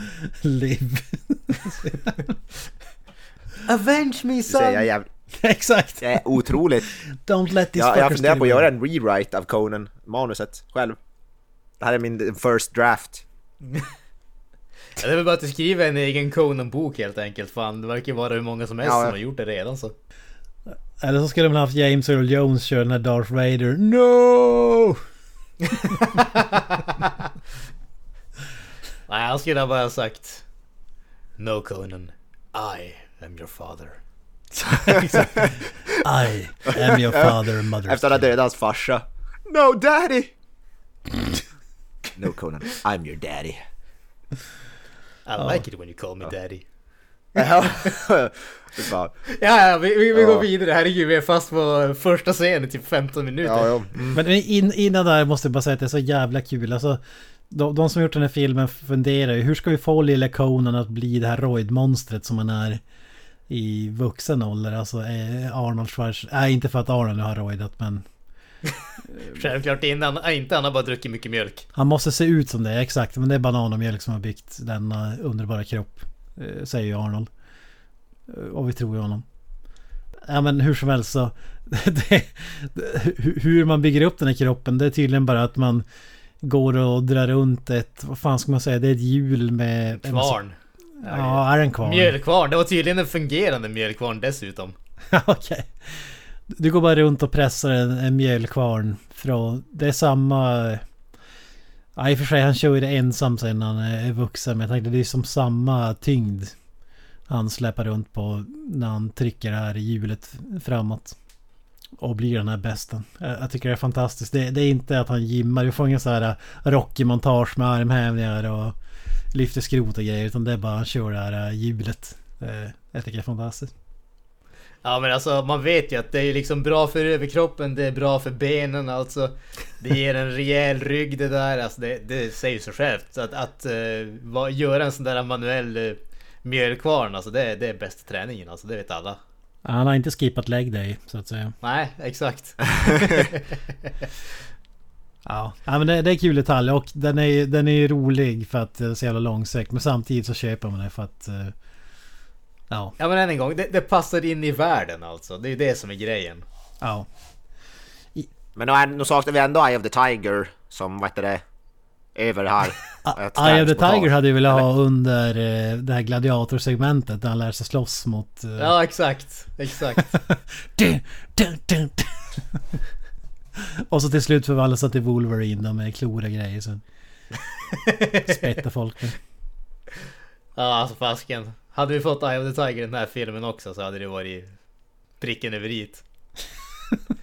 Ja men vi kan vi går vidare lite grann. Vi får ju den här, eh, som sagt han blir eh, gladiator och så kallade och skickas iväg och blir tränad och sånt där och sen friges han. Och eh, direkt efter det i stort sett så hittar han ju den här uh, häxan och här får vi ändå Innan det här så har vi fått den där uh, sword-biten av Sword and Sorcery alltså där den varit relativt grundad ändå. Vi har inte fått några sådana där jättestora eh, magiska saker eller någonting åt det hållet. Men det kommer ju här. Hon har ju ett uh, O-face som liknar ingenting annat. Uh, måste man säga. Och så vad heter det? Sen så hittar hon ju Subotai som blir hans eh, hans följeslagare där. Jag tycker om när han är liksom fastkedjad i den där... Eh, jag vet inte vad han är fastkedjad i egentligen, bara väggen eller vad det nu är. Och eh, han säger liksom Ge mig mat. Och Conan säger liksom Jag har inte ätit på flera dagar. Och Conan säger bara Vad får du att tro att du ska äta nu? Och jag tycker om det här. Han säger att eh, jag vill inte ha mat för att överleva. Jag vill ha mat så att jag kan dö i strid när vargarna kommer för att äta mig. Det är så jävla badass. Det finns inte. ja jävlar vad badass han är alltså. Ja, jag älskar han. Jag tyckte... Jag vet inte, som sagt, alltså side, sidekick-karaktärer kan ju vara väldigt hit or miss alltså. Men jag måste säga att jag tyckte om honom riktigt mycket i den här filmen alltså. Han är inte direkt så comic relief-karaktären som det brukar vara. Nej men precis, alltså han, eh, det är inte... Han känns ändå som en eh, kapabel karaktär om man säger så. Annars brukar jag alltid vara hudkaraktären, hudpersonen, han är den som kan allt, han är hjälten, det är han som allting vilar på liksom sidokaraktären, han är bara där för att vara comic relief och hamna i trubbel som hjälten måste rädda nu. Men här känns han ju som en... Eh, här känns han ju faktiskt som en liksom mer kapabel karaktär och faktiskt lyckas eh, rädda... Hercules jag på att säga. Eh, Conan dessutom. Han gråter till och med åt Conan. Det är en god vän det ja. alltså. Än, än en gång med liksom det där underbara citatet där när han frågar Why do you cry? Den där magikern och han säger bara He's Conan, Sumerian. He won't cry, so I cry for him. Ja, det är fan, det är fan badass Eller det är som gåshud. Det är riktigt bra scen. Ja. Han, cool, han har cool röst, jag gillar hans röst också. Mm. allt han säger låter coolt. Ja men han har en sån där, det var tydligen så hade de... Eh, som jag förstod det så hade de dubbat hans röst tydligen. Okay. Jag vet inte riktigt. Det var, det var typ att han hade inte riktigt eh, den... Eh, jag vet inte vad jag ska kalla pondus eller vad man ska kalla det som de ville att den karaktären skulle ha. Så att han var typ dubbad även om många tyckte att... Eh, eller att John Milius tydligen tyckte att han var helt okej okay, men vart väl mm. nedröstad eller någonting åt det hållet. Men sen får vi den här, uh, vad ska man kalla det? Ökända? Superkända? Alltså vi får den här uh, scenen i staden alldeles innan de sticker till ormtornet. Vad är det som händer Kent? Det involverar djur, men inte på sättet som de flesta skulle tro. Nej, det finns ju nämligen kameler här. och eh, Arnolds karaktär har ju, vad det verkar i alla fall, aldrig sett en kamel i sitt liv. Eller ja, det var väl första gången han hade varit till en stad. Fast han har ju fightats på olika ställen. Ja precis, man får aldrig veta det men det verkar definitivt som att han inte har sett en kamel tidigare i alla fall. Nej och, och det är det man ser i, i storstan. Det är kameler såklart. Det är, Överallt. Det är som Lamborghinis så att säga. Um, det, är den, det är den här scenen som jag tror många förknippar den här filmen med för att man har sett ett klipp på YouTube. Även om man kanske inte har sett filmen så, så känner man igen det här. För att de är på fyllan och villan kallar några eh, personer för old sluts tror jag han skriker i. Ja, precis. I en stentrapp och så kommer de ner till eh, en inhägnad med kameler och då börjar ju Arnold asgarva, eller Conan ska jag säga. asgarva och ja, vad, han gör ju det som vi alla hade gjort i det här läget. Ger kamelen en rak höger så att den ramlar omkull. Logisk. Alltså jag, Logisk jag, har sett, jag har sett om det här flera gånger och det måste ju vara så att Arnold slår den här jävla kamelen på riktigt för att... Jag, jag säger inte hur man skulle kunna göra effekten av... För den är inte överdriven. Det är inte som i en Rocky-film att kamelens tandskydd flyger ut och svettdropparna... Nej, just det. Tyvärr utan, inte. Ja. Om, om det är trickfilmat då är det jävligt bra gjort. Det måste vara någon ja, jävel som står med ett snöre och drar i huvudet på kameljäveln eller... Uh, ja, jag vet inte. Eller så är det en uh, stop motion kamel. Men det finns ju de som har, har riktigt bra pli på kameler, kan väl typ bara göra något ljud och så sätter de sig ner, alltså fan ner på backen typ direkt. Kanske något sånt där de hade någon jävla... Och så har de hittat en kamel vars eh, superpower att låtsas bli slagen i huvudet och det är någon kul. Ja, exakt. Man vet aldrig. De kan mycket de där jävla kamelerna alltså. Ja men vad säger du om den här serien? Den är, är otroligt mäktig, eller vad säger ni? Det är ju badass att slå till en kamel på käften. Han Det har vi förtjänar alla det. drömt om, tror jag. Ja, för fan. Jesus Christ. Jag kollar aldrig men det Jävel. kan ju knappast stå eh, No animals were harmed during the film. Eller vad brukar det stå? A lot of animals were uh, punched in the face during the production of this movie. We apologize to the camel. Jag, jag, jag googlade bara skiten. Och tydligen så slog han inte, vad heter det, kamelen. Han gjorde inte. Men, Okej. men. Däremot, när han korsfäst och biter gamen så var det tydligen en riktig död gam. Åh jävlar. Oh, fy fan. Undrar hur många jävla sprutor de var tvungna att ta efter det. Eller innan det. Ja, det, det känns som ett antal i alla fall. Men fan alltså, herregud. Ossi tror att han är badass för att han bet huvudet av en duva och sen har vi Schwarzenegger som biter liksom en gam av halsen. En gam runt halsen. Herregud. Det är badass alltså. Det är metal. Det är så jävla metal. Det är så jävla mycket metal att man skulle kunna tro att eh, Manowar skapades av Schwarzenegger. Ja, ja, ja, men han står väl med som medgrundare tror jag. Om man kollar upp. Det vore fan annars alltså. Men varför framgår det hur de gjorde kamelscenen? Nej, jag, nu klickar jag bort det. det. Jag vet inte. Det var väl en väldigt duktig stuntkamel eller någonting, inte vet jag. han är väl en veteran i Hollywood. Oerhört känd. Det finns inte så många, vad heter roller för stuntkameler så därför han har blivit så jäkla bra. Han får alla dem. Han är kamelens Andy Serkis. Alltså. Exakt. Jag tänkte Jack, Jackie Chan eller någonting som gör allting Han är själv. kamelernas Jackie ingen- Chan. Ja precis, han gör alla stunt själv. Han har ingen, vad heter det, dubbel stuntkamel. Stuntkameler för väggar. What you see is what you get. När det gäller den här Han är en stuntkamelen. levande punching bag alltså. Det, Ja men alltså det är det, han, det är det han har byggt sin karriär på. Jag menar, vill du ha en liksom stor Hollywood-kändis och sen så försöker du göra någonting och ska de ha en jävla stunt double, då är det bättre att man anlitar liksom en kamel som aldrig liksom har något sånt. Han gör allting Ja, för själv. Det säger sig självt. Granström vet vad han är. Han är kamelernas svar på Bob Sapp. han åker bara runt och får stryk i alla jävla... Det är hans grej. Han lägger sig efter första slaget och börjar gråta på mattan. Ja. och, och har tjänat en miljon eh, drachmer eller vad det nu är. Igen. ja precis. Typ 100 dollar. Rupees. Eller någonting. Det är väl det Bob the Beast tjänar också kan jag tänka mig. Det var ett namn som man inte hört igår alltså. Herrejäklar. En badass fighter. Yes, ja men herregud, vi måste ju gå vidare till eh, vad ska man kalla den fläskigaste ormfighten som setts innan vi fick Anaconda eller? Ja, ja herregud. Alltså den är ju riktigt cool måste jag säga. Jag älskar just den här delen där vad heter det? De har kommit in i, de har smugit sig in i ett tempel de så kallade. Och längst ner i botten av den här så finns det en grop och där finns det en gigantisk orm som vaktar, vaktar en sån här uh, juvel. Som de är där för att stjäla helt enkelt. Och eh, i så här klassiskt eh, maner så den ska stjäla den så börjar han svettas och ormen liksom reagerar ingenting förrän konen svettas så mycket så det droppar svett som landar i ormens öga och så ser man att eh, liksom ormen vaknar upp. Och hela den biten tyckte jag var jävligt, eh, jävligt badass.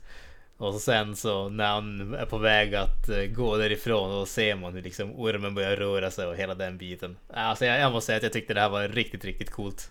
Och då tycker jag det tillför också här som får gå runt där. Det är som en, en pit eh, där... Eh, jag vet inte vad, man ska kalla det men typ eh, Virgins ska offras ungefär. De har ju tänkt... eh, Det, är- ju en tjej de, de klär av och hon ska hoppa ner och offra sig. Bli uppkäkad av den här ormen. Men hon bara faller rakt ner i backen och så, så de, och så börjar de bara skrika när de ser att Arnold har köttat ihjäl den jävla ormen. Jag tycker, det är så jävla bra. Badass. In, intressant trivia här också. Tydligen så när de skjuter, en- vad heter det, ormen med pilar. Så eh, sköt de riktiga pilar eh, precis över huvudet på Schwarzenegger. Ja. Så jävla badass alltså. Och vad jag förstått så var det inte snubben som skulle skjuta det som var expert på det där. Utan det var typ en random stuntsnubbe som äh vad fan jag gjorde. som sköt de här pilarna. Det gäller att ha tillit alltså, fy fan. Ja. Ja, Arnold har ju guts utöver det vanliga. Får man säga. Minst sagt. Herregud alltså. Men jag tycker ormen här ser fan bra ut. Alltså den... Ja, jag håller med. De lyckas dölja... Vad ska man säga? Huvudet och kroppen förstår jag att den hänger inte Mm. riktigt ihop. Men de lyckas ändå dölja det på sånt sätt att det ser bra ut. Alltså det, det är inget s- CGI eller på att säga. Jag vet inte fan vad som var på den här tiden. Men inga Nej. usla dataeffekter eller någonting som gör att den eh, ser ut som en eh, Playstation 2-grafik. Utan det är lite, lite Jurassic Park-aktigt ska jag nästan säga. Ja men precis. Nej, alltså, jag, jag håller definitivt med där. Eh, och tydligen var det så att den utrymmet som de hade att arbeta på var så pass litet att de kunde inte ha med hela ormen Eh, på det stället. Så de var typ tvungna att dela upp den i typ två eller tre delar. Så det är därför du aldrig får någon sån där riktigt stor bild på hela ormen från början. Eh, men som du säger, alltså det funkar ändå för du får ändå, alltså den är ändå så pass stor så att du får ändå den här känslan av att det här är en gigantisk varelse alltså. Och den, den rör sig ändå liksom normalt, inte vet om jag ska kalla det normalt, men den rör sig på något sätt realistiskt i alla fall. Det känns inte som att du kollar på en stor docka direkt. Alltså, så jag såg Godzilla vs Kong häromdagen. Jag skulle säga att den här ser fan coolare ut än vad de gjorde i den filmen. Djuren och Mer trovärdigt. Coolare, eh, eh, coolare än Kong i alla fall tycker jag. Kong börjar bli lite för mänsklig kan jag tycka. Ja, och när filmen börjar med att han kliar sig i röven till Ja. rolig musik också så... Ja, jag vet inte. Men... eh, Ja, nu ska jag inte fastna i det men... eh, Du du kan ha all datateknik i världen men... Det, ibland är det den här skiten som är bättre. Helt enkelt. Ja, men så är det ju, så är det ju definitivt. Vi har ju även som sagt eh, grejer händer. Han eh, blir eh, kontaktad, eller kontaktad, han blir mer eller mindre kidnappad av kung Oric som eh, säger åt honom att hitta min dotter och kom tillbaka med henne. Eh, och eh, Conan sticker och söker upp eh, Tasa Doom och infiltrerar hans kult som en, eh, som en präst. I en av de bästa slash oväntat så här typ homoerotiska scenerna som det, Är det så här Catholic Priest-referens eller vad är det? Ja men precis. Alltså, det, det, man får ju så här lite känsla som... Är det här en kommentar på någonting? Därför att han, han liksom... Eh, prästen kommer där och säger bara liksom varför backar du till Conan när han går därifrån? Och Conan säger jag är så, jag är så blyg och liksom... Eh, vad heter det? Sådär och... Prästen bara liksom sätter handen innanför hans kläder och börjar typ smeka honom på bröstet. Du är ju så stor, varför, eh, varför liksom vill du inte visa upp det ungefär? Och Conan säger bara, kan vi gå och prata där ingen, eh, där ingen ser oss? Väldigt eh, homoerotisk scen, väldigt homoerotisk scen. Eh, och så, Det gillar vi. ja definitivt, det, det tycker vi om. Tummen upp. Herregud, man kan inte ha så här många barbröstade män i en film och inte få liksom lite homoerotiska undertoner. Det, det hör till. Jag tror, jag tror han blev besviken den där snubben när det visade sig att han inte skulle få något... Få se Arnold i all sin När det stolthet. visar så att han får en näsa, näve i käften helt enkelt. Ja, istället för någonting annat i käften. Det, det är lika underliggande toner som en viss Elm Street-rulle, eller vad säger du? Ja? Jag förstår inte riktigt vad du, vad du säger där. Jag, jag kan väl inte tänka mig någon Elm Street-rulle som inte är extremt... Vad heter det? Heterosexuell. Nej, just det. Ja, ja, Så ja, jag vet inte vad du vill säga. nej, jag tänkte bara att det finns någon slags galen teori om att det ska finnas några undertoner av... Ja. Alltså då är det mer så här extremt så här, subtilt i bakgrunden möjligtvis som de har lagt in bara för som Easter ja men det är om man spelar filmen baklänges när det är fullmåne, då ska det tydligen synas någonting som... Ja, okej. Ja, ja, jag Det, ska, det, det är om du kolla. sätter eh, Blu-ray-skivan på en eh, vinylspelare. Ja, just det. Då får du de homoerotiska undertonerna. Det brukar jag göra. Ja, det gör jag med alla filmer för att de inte missar någonting. Nej, man vill vara säker på att man inte missar någonting.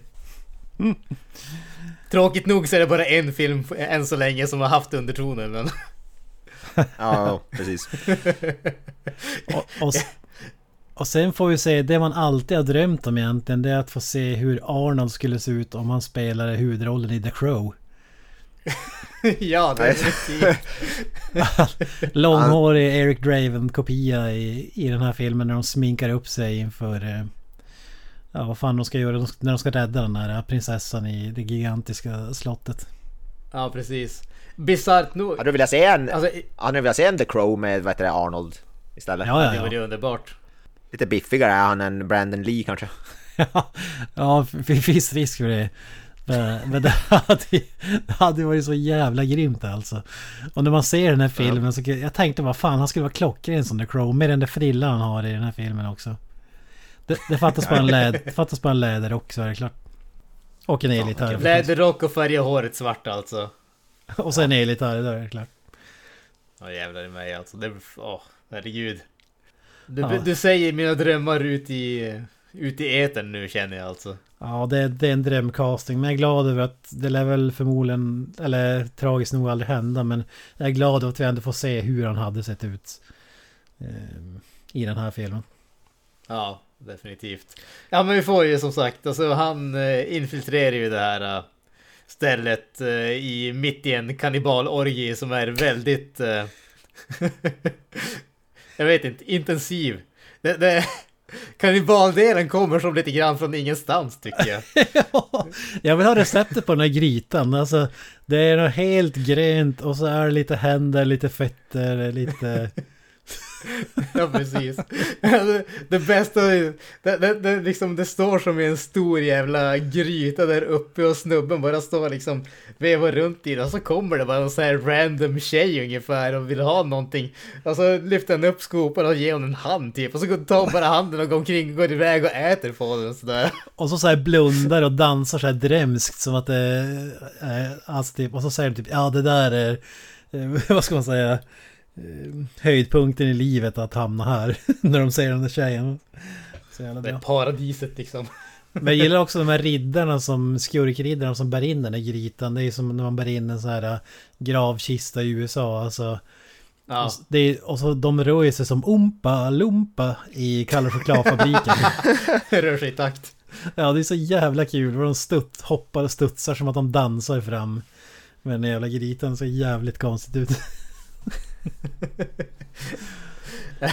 jag tyckte det bästa det där, bästa och bästa, men jag kan inte undgå att se det, det var ju eh, när de hämtar grytan från det där liksom underjordiska stället. Och då ser man hur liksom den svajar så mycket så att i en av delarna ser man bara att det typ flyger ut massor med grytor Ja. i grytan helt enkelt. ja, och de var lite väl, välfylld. ja, det var sådär att ni kunde inte ha tagit en, gjort en tilltagning på det här eller? Ja, men det är autentiskt. Det är autentiskt. Ja, ja det är det ju definitivt. Jag gillar helt lyckas- random, alltså man man förväntar sig inte att James Earl Jones eh, ska göra sin förvandling, eller vad säger ni? Alltså, det som jag störde mig på här, det var ju att de hade ju inte gjort ett bra sätt, alltså ett bra jobb att matcha hudfärgen som James Earl Jones har i filmen jämfört med eh, den här dockan som de använde, eller vad man ska kalla det. ja, det, det var ju för fan typ, det såg ut som en avatar, den var typ blå. Ja, är ju svinweird. nej, det, var- det, var, det var väl en av de bitarna där jag kände att okej, det här var inte riktigt så väl gjort som det borde ha varit. Men, men om vi bortser från färgen så tycker jag ändå att det ser... Alltså det, det håller fan ändå. Alltså själva det här när ansiktet börjar... Ja, när det börjar förvandlas och förändras, absolut, det tycker jag. Det, i, I en annan film hade det varit så här stop motion. De har sett jävligt tydligt att det bara är... Ja, stop motion helt enkelt. Alltså... Här ser det ut som att ansiktet blir som en ballong nästan som bara pum, blåser upp och Mm. en, ändrar form. Och så, och så klipper de just innan det ser för jävligt ut gissar jag. Ja, Så det ser, jag tycker ändå det ser bra ut ändå. Men jag håller med färgen är helt märklig men... eh, Det kanske är någon sån här transition färg de tänker att det ska ändra färgen. Det enda, det enda som jag stör mig på i den här uh, delen Eh, Det är att han börjar liksom förvandlas. För man tänker att det här är en reaktion på att, eh, vad heter det, Conan har kommit in där. Och han, eh, han förvandlas så att han kan, till en orm och så att han kan fly. Men han börjar förvandlingen innan de har kommit på Conan. Det, det störde jag mig lite grann på. Det kändes som att det var lite omvänt där.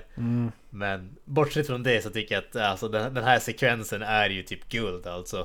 Eh, striden här tycker jag är riktigt välgjord och sådär. Och jag älskar den där eh, tjejen typ springer förbi Conan och han liksom bara kastar iväg och så bara fortsätter rakt fram och äh, Underbart, underbart. Ja men där, där håller jag med dig. Där sätter du fan huvudet på spiken. Alltså det är det jag menar. Varför förvandlas han bara helt plötsligt? Alltså de har ingen aning om att de har tagit sig in i slottet. Vad, vad som framgår i alla fall. Det hade varit Nej. mer logiskt att nu ska jag förvandla mig till ett monster och käka upp Arnold och hans eh, polare.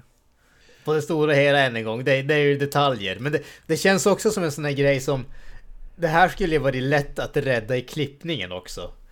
Det hade ju liksom, det, hade ju bara varit att eh, du liksom vänder om sekvensen lite grann så att vakterna får syn på eh, Conan innan det här börjar hända. Det, det är liksom, det känns som att det hade inte krävt stort arbete för det direkt. Nej, nej exakt. Men eh, efter det här, de lyckas ju rädda prinsessan och sticker därifrån. Men eh, Tulsa Doom skjuter ju Valeria med en pil som är en orm. Vilket jag tyckte var riktigt eh, coolt gjort också. Eh, och sen så förbereder de sig på strid hos den här, eh, vad heter det, The Wizard Man eller vad ska kalla det. Gör i ordning fällor och spjut och sådana saker. Och så får vi en riktigt jävla badass eh, strid. Alltså det, strid. Alltså det här är en strid som verkligen är värd att vara slutstriden i en film tycker jag. Eh, Du har liksom... Du, du har eh, två stycken som är... Alltså det, det här är liksom som 300. När de säger liksom att det är 300 mot eh, tusentals. Här är det liksom två stycken mot hundratals ungefär. Eh, och så har du de här eh, grymma, vad heter det, svärdfighterna. Du har när de slåss på hästarna. Och vi får ju typ den grymmaste häststupningen också som jag tror att jag har sett i en film alltså. När den typ kommer i full jävla karriär och Conan, jag kommer inte ihåg vad han gjorde, om han typ slog hästen med en gigantisk slägga då fasken det var. Och man ser bara hästen liksom flyger framåt och stupar. typ det grymmaste jag någonsin har sett alltså. Också en stunttest såklart. Ja, självklart. Det är den enda stundtesten som eh, existerar i Hollywood alltså. Han får alla de bästa rollerna. Ja, Ja, det är han och kamelen. Ja det är de. Du ser ju, de, de, Är, är en med i en Bara film så kräver den andra att hans vän ska få en roll också. ja exakt. Det är som Frank Columbo eller vad fan han heter med Arnold. Det är Exakt. hästjävelns grej. Men de är ju uppenbarligen så här unionized. De har ju något fack där som de är med i, antar jag. De här äh, stunt, äh, i hästarna och kamelerna. Det är bara gamen som inte har betalat fackavgiften så att säga. Ja, nej, han, han hade ett dåligt kollektivavtal. Det var därför de var tvungna att använda en död gam. Det, det var facket som inte gjorde sitt jobb där alltså. Nej, precis. Ja, han var såhär, Nej, så vad det- säger man, svartfot eh, eller vad? Ja, svart, svartfot. Svartfotgam. Oh, Jävla svartfot. Det är när man är med på arbetsgivarens sida faktiskt. som bryter mot strejken och så vidare. Ja, Ja, det- fan. Jävla. He got what he deserved kan man säga. Ja, precis. Definitivt. Definitivt. Ja men vad tyckte ni om den här stridsscenen? Som sagt, jag, jag är ju helt såld på den alltså. Jag tycker den är skitjävla bra. Ja, det påminner lite, får lite Predator-vibbar där eh, med de här eh, träspjuten som har eh, riggats. och- Ja, just det. Mm. Lite Home Alone. Ja, det enda, det enda jag tyckte var lite synd är att det är ingen som spettas på den här spjutet utan de rullar bara så att... eh, Ja, de, de kommer från fel ände helt enkelt. Ja, och så ru- rullar de bara ner. De hade förmodligen inte råd att köra den effekten då, eller var tvungna att klippa bort det eller någonting. De rullar bara så att de här spjuten bara välter omkull. De, de, de fyller ju ingen funktion, alltså egentligen. Men det ser coolt ut. Ja, jo. Ja, men jag, jag håller med. Jag, jag, jag gillar den också. Och också att det är lite så här... äh, Stonehenge-aktigt. Att det blir som en labyrint nästan när de gömmer sig bakom stenarna och anfaller dem hej, hej och hå. Så Ja. De är ju strategiska hur, hur sättet de, vad heter det? De använder sin... Alltså att de är så få till sin fördel. Använder de. Ja men precis. Vi får ju den grymma fällan alltså när eh, Conan har satt sin... eh, sin hjälm på den där stenen, den där snubben som smyger omkring och slår, på, slår vad han tror är Conan i huvudet. Och så aktiverar han den där fällan med den gigantiska jävla typ taggen som Ja. bara spetsar han igenom eh, bröstet. Typ det grymmaste någonsin. Ja, det är värsta Rambo, det är ju Rambo-stuk här Ja. alltså. Rambo slash Predator. Jag vet inte varför Arnold kör någon slags stare down efter han har blivit spettad där. Han står ju typ fem minuter och bara tittar på när han dör ungefär. Ja, men det måste ju... Ja, ja. Han ville att de skulle veta vem det var som tog livet, livet av honom. Exakt. Det fanns bara två att välja mellan men han ville vara överdrivet säker på att det var Conan och de visste att det var han. L- Lite cheesy är det ju men eh, det är, jag tycker ändå att det är lite eh, halvsnyggt ändå när hans eh, love interest kommer tillbaka från de döda i någon slags gudaform i 30 sekunder eller någonting. Uppenbarelse. Ja precis, jag vet inte fasken vad det ska vara riktigt egentligen vad hon är där Men ja, jag håller med, det är badass när hon har den där äh, dräkten som glittrar allting och nej fasken Lite, Det är coolt, det funkar, jag köper det. Lite Wonder Woman-aktigt och det var väl det jag tycker är halvsnyggt att hon sa väl någonting tidigare i filmen om att om hon dog skulle hon komma tillbaka från de döda och eh, rädda honom eller ja, men någonting åt det hållet. Ja, Som ja men vi, precis, vi, vi har ju vad heter det Det, det är ju det, det är ju sånt där vad ska man kalla det genomgående tema där hon eh, gör de där grejerna. Så hon säger ju liksom För hon var ju alltid den som eh, aldrig hade någon att lita på och så när hon äntligen har hittat Conan så säger hon att hon liksom hon skulle aldrig släppa honom om jag om jag så dör så kommer jag tillbaka för att vara vid din sida ungefär. Eh, och så sen så när Conan efter att han blivit korsfäst och dör då vad heter det, då säger hon ju också att hon, hon liksom Hon gör vad som helst för att få tillbaka honom och den magin säger att det kommer att vara ett dyrt pris och hon säger bara att jag är villig att betala det. Så att eh, det är liksom det underförstått att eh, hans liv för hennes liv om man säger så. Och sen så kommer hon tillbaka en sista gång för att eh, rädda han och säger liksom Do you want to live forever? Eller när hon säger det där. Alltså som sagt, det, det funkar hela vägen. Jag köper det. Och så Ja, spelas ja. ju Queen-låten Who Wants To Live Forever och så kommer eh, Christophe Lambert ner med Highlander-svärdet och Save the Day. Jag tror det där var din, i dina drömmar. Crossovern som alla vill ha. Exakt. Highlander och Conan. Fy fan vad mäktigt. Highlander vs Conan, ja det hade väl kunnat bli en cool Ja. versus film. Ja men de, de, vinner ju, de vinner ju striden. Helt oväntat. Ja, exakt. Ja. Vem hade kunnat se det? Det är väl en liten plot twist får jag säga. Ja, definitivt. Att, att Conan överlever och äh, går segrande ur striden, det förväntade jag mig inte. Nej, det, det kändes jävligt förvånande alltså. Och som vi har sagt tidigare, filmen bygger upp till en helt fantastisk eh, gummihuvudscen. Ja, alltså vi får ju som sagt eh, efter att Knallbrott. Conan har besegrat de här eh, snubbarna som kommer efter han så återvänder han ju till Tasa Dooms eh, tempel. Där han står och eh, håller på att förbereda att eh, ja, göra någonting. Vad heter det? Stå på den där liksom stora vad ska man kalla det, pedestalen, vad ska man kalla det, högst upp och liksom kollar ut över alla sina följare. Måste man ju säga, första gången vi ser alla de här följarna tidigare i filmen när Conan klär ut sig som en präst. Alltså jag, jag tänkte att fasken, det var ju typ massvis med folk där alltså. Jag tänkte att den här, det är ju en sån där grej som verkligen säljer att det här är en, en stor produktion. Man tänker att det skulle vara typ 10-15 stycken som bara står där. Och så istället är det typ, vad fasken var det, typ 1500, vad heter det? Extras eller någonting åt det hållet stod jag, läste jag. Ja, idag hade det varit bara datanimerat eh, hav av folk. Typ. Ja, Ja, ja men precis. Nej, men det, är, det är precis det här. Det är precis sådana grejer som får det att kännas så jävla mäktigt. Men, men nog om detta. Eh, Conan kommer dit och eh, smyger upp bakom, vad heter det? Bakom Tulsa Doom och eh, han vänder sig om och ser Conan där och ser inte ut liksom så här, uh, vad ska man kalla det? Uh, han ser inte ut som att han är rädd eller någonting sånt där. Utan det ser snarare ut som att han hade förväntat sig att det här ska, uh, att det här ska hända. Och så får vi den här härliga grejen att det är liksom Tulsa Doom. Det är, Alltså när han börjar kalla han sann och hela den biten för att det är liksom Det är han som har skapat det som Conan är nu hade han aldrig liksom dödat hans föräldrar och allting sånt där och gett han meningen i livet, vilket som meningen som är att söka upp Tulsa Doom och döda han så hade han aldrig varit någonting så att det är liksom, han har äntligen kommit hem till honom och kallar han son och hela den biten. Jag tycker det är så underbart. Och tror man att, eh, vad heter det, han försöker liksom förhäxa Conan men vet du det, mitt i allting så bara visar det sig att det funkar inte alls. Och hugger han huvudet av honom med svärdet och liksom får den här, äh, tar den där långa håret och bara kastar ner honom för de där långa trapporna och allting. Alltså det är så jävla badass.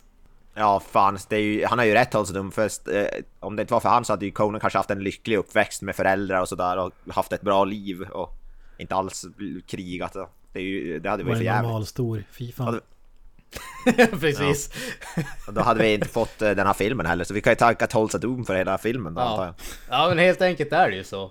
Och Det slår mig nu att han, eh, Tulsa Doom kör ju en M. Bison i Street Fighter tidigare i filmen. Eh, typ, eh, ja men... Eh, the, the day your village was destroyed and people were murdered was, Ja, ja, ja. was the biggest event of your life. But for me it was Tuesday, eller vad han säger. Ja, Och så Tulsa Doom säger ah det, var i mina yngre dagar måste det ha varit när jag ja slaktade precis. It was a time when I Han cared inte more stål, for steel också. than for gold Ja. or jewels. Just Som det. de säger. Ja, det är ett badass. Fan vad motiverat alltså. Han är, han är ute efter stål och utplånar hela byar. Mördar folk Mm. för att komma åt deras svärd och grejer. Ja, ja. Ja. Ja, ja. Alltså, det, ja. alltså jävla badass alltså. Och så vad heter det? Ja, han som sagt, han hugger huvudet av uh, Tulsa Doom. Han befriar prinsessan för en andra gång. Och så sen så rider han iväg och så får vi den där, uh, vad som man kallar det, epilogen eller vad man ska kalla det. Där vi ser han sitta på sin tron som en äldre King Conan. Eh, En sak som jag inte kan få in i mitt huvud är här när, när eh, Arnold ska kasta slägga med en sån där eldklot. Ja, Eh, palatset är väl gjort i sten. Vill jag hävda. det Mm. skulle jag påstå ja. Ett berg och sten. Och han tar en... Ja men typ... eh, Vad ska man kalla det? Som ett stort värmeljus. Marskalk. ja. Nej, men och, bara, och bara svingar så här så rinner det väl ut typ något fotogenaktigt eller någonting så att det börjar brinna ordentligt. Och när de går därifrån så står hela jävla palatset i lågor. Men det är för fan gjort i sten. Hur fan, fan ska det kunna börja brinna ens? Jag fattar inte det där. Ja, du. Hyborian logic helt enkelt. Co- Conan works in mysterious Crown ways. works in mysterious ways kanske. Exakt. Who needs logic when you have Arnold? Ja, det var jävligt märkligt. Jag, jag bara... Jag kommer inte ihåg den här scenen så tänkte bara börja svinga den här. Bara, vad fan ska jag göra med den här alltså? Och så slänger han upp högst upp bara. Och det händer ju ingenting i början. Det, bara, det flammar lite, lite, grann. Men det, det är inte så att det exploderar eller någonting som det gjort i Nej. en... Det var ju eh, lite småkul det där också en gång för att eh, tydligen så var det meningen att han skulle kasta den där eh, eldgrejen och den skulle hamna mitt på den där plattformen där Tulsa Doom hade stått tidigare. Men Ar- Arnold missade. Men eh, den tog... För kulissen skulle tydligen brännas upp, det var det som var hela grejen. Men han missade och allting brann ner så man kunde aldrig göra en andra tagning så det var det som hamnade med i filmen. Man ser att han, han missar ju med liksom god marginal, den faller ju typ långt ut i sidan också. Ja men fan vad sjukt att det alltid ska bygga på att man ska sätta den där. Alltså det är för fan flera hundra meter måste det ju vara som man ska sätta det där klotet. Då. Det är helt... Ja men det förklarar ju saker för det ligger ju i ett hörn bara så här. Och det ser knappt ut som att det brinner någonting. Till slut börjar det ju eh, läcka ut någon slags eh, vätska då från den behållaren. Så att det Ja, brinner precis. lite mer. Kulisserna var ju förmodligen inte gjorda av eh, sten som det ska se ut i filmen. Så att Nej, precis. i filmen finns det väl en viss brist av logik att det ska börja brinna. Men i verkligheten förstår jag ju hur det funkar. Ja det var, det var jävligt Underbart, underbart. Ja men, eh, vi har kommit till slutet av filmen och jag vågar väl påstå att eh, kanske slutet av eh, avsnittet också, eller vad säger ni grabbar? Det låter rimligt, ja. Det tycker jag också. Eh, som sagt, en solklar rekommendation på Conan the Barbarian skulle jag våga påstå från alla tre av oss här. Ja. Yes, i vanlig ordning. Ni hittar oss på eh, Instagram, Facebook. Vill ni komma i kontakt med oss så gör ni det lättast via Instagram skulle jag våga påstå. Finns även på eh, Twitter och sådana saker. Vi har våran lilla hemsida filmsmakarna.wordpress.com och eh, våran superlänk linktree forward slash filmsmakarna. Ni hittar oss även på Pladdercentralen. Ni hittar även en drös andra podcaster på det stället. Men givetvis, vi är bäst så lyssna mest på oss. Det är ju det som är den viktiga Ja, biten. ja ni, jag menar, ni kan ju, om ni har absolut slut avsnitt av våran podd så kanske ni kan ha någon backup. Ja, där, men, precis. Nu har jag bara typ 250 avsnitt att beta igenom och det tar ju inte så länge. ja, ja, fan. Vi misstänker ju att alla är up to date hela tiden. Exakt, ja men det är det man måste förutsätta. Har ni några avslutande ord grabbar? Jag säger peace out. Och jag säger up the irons.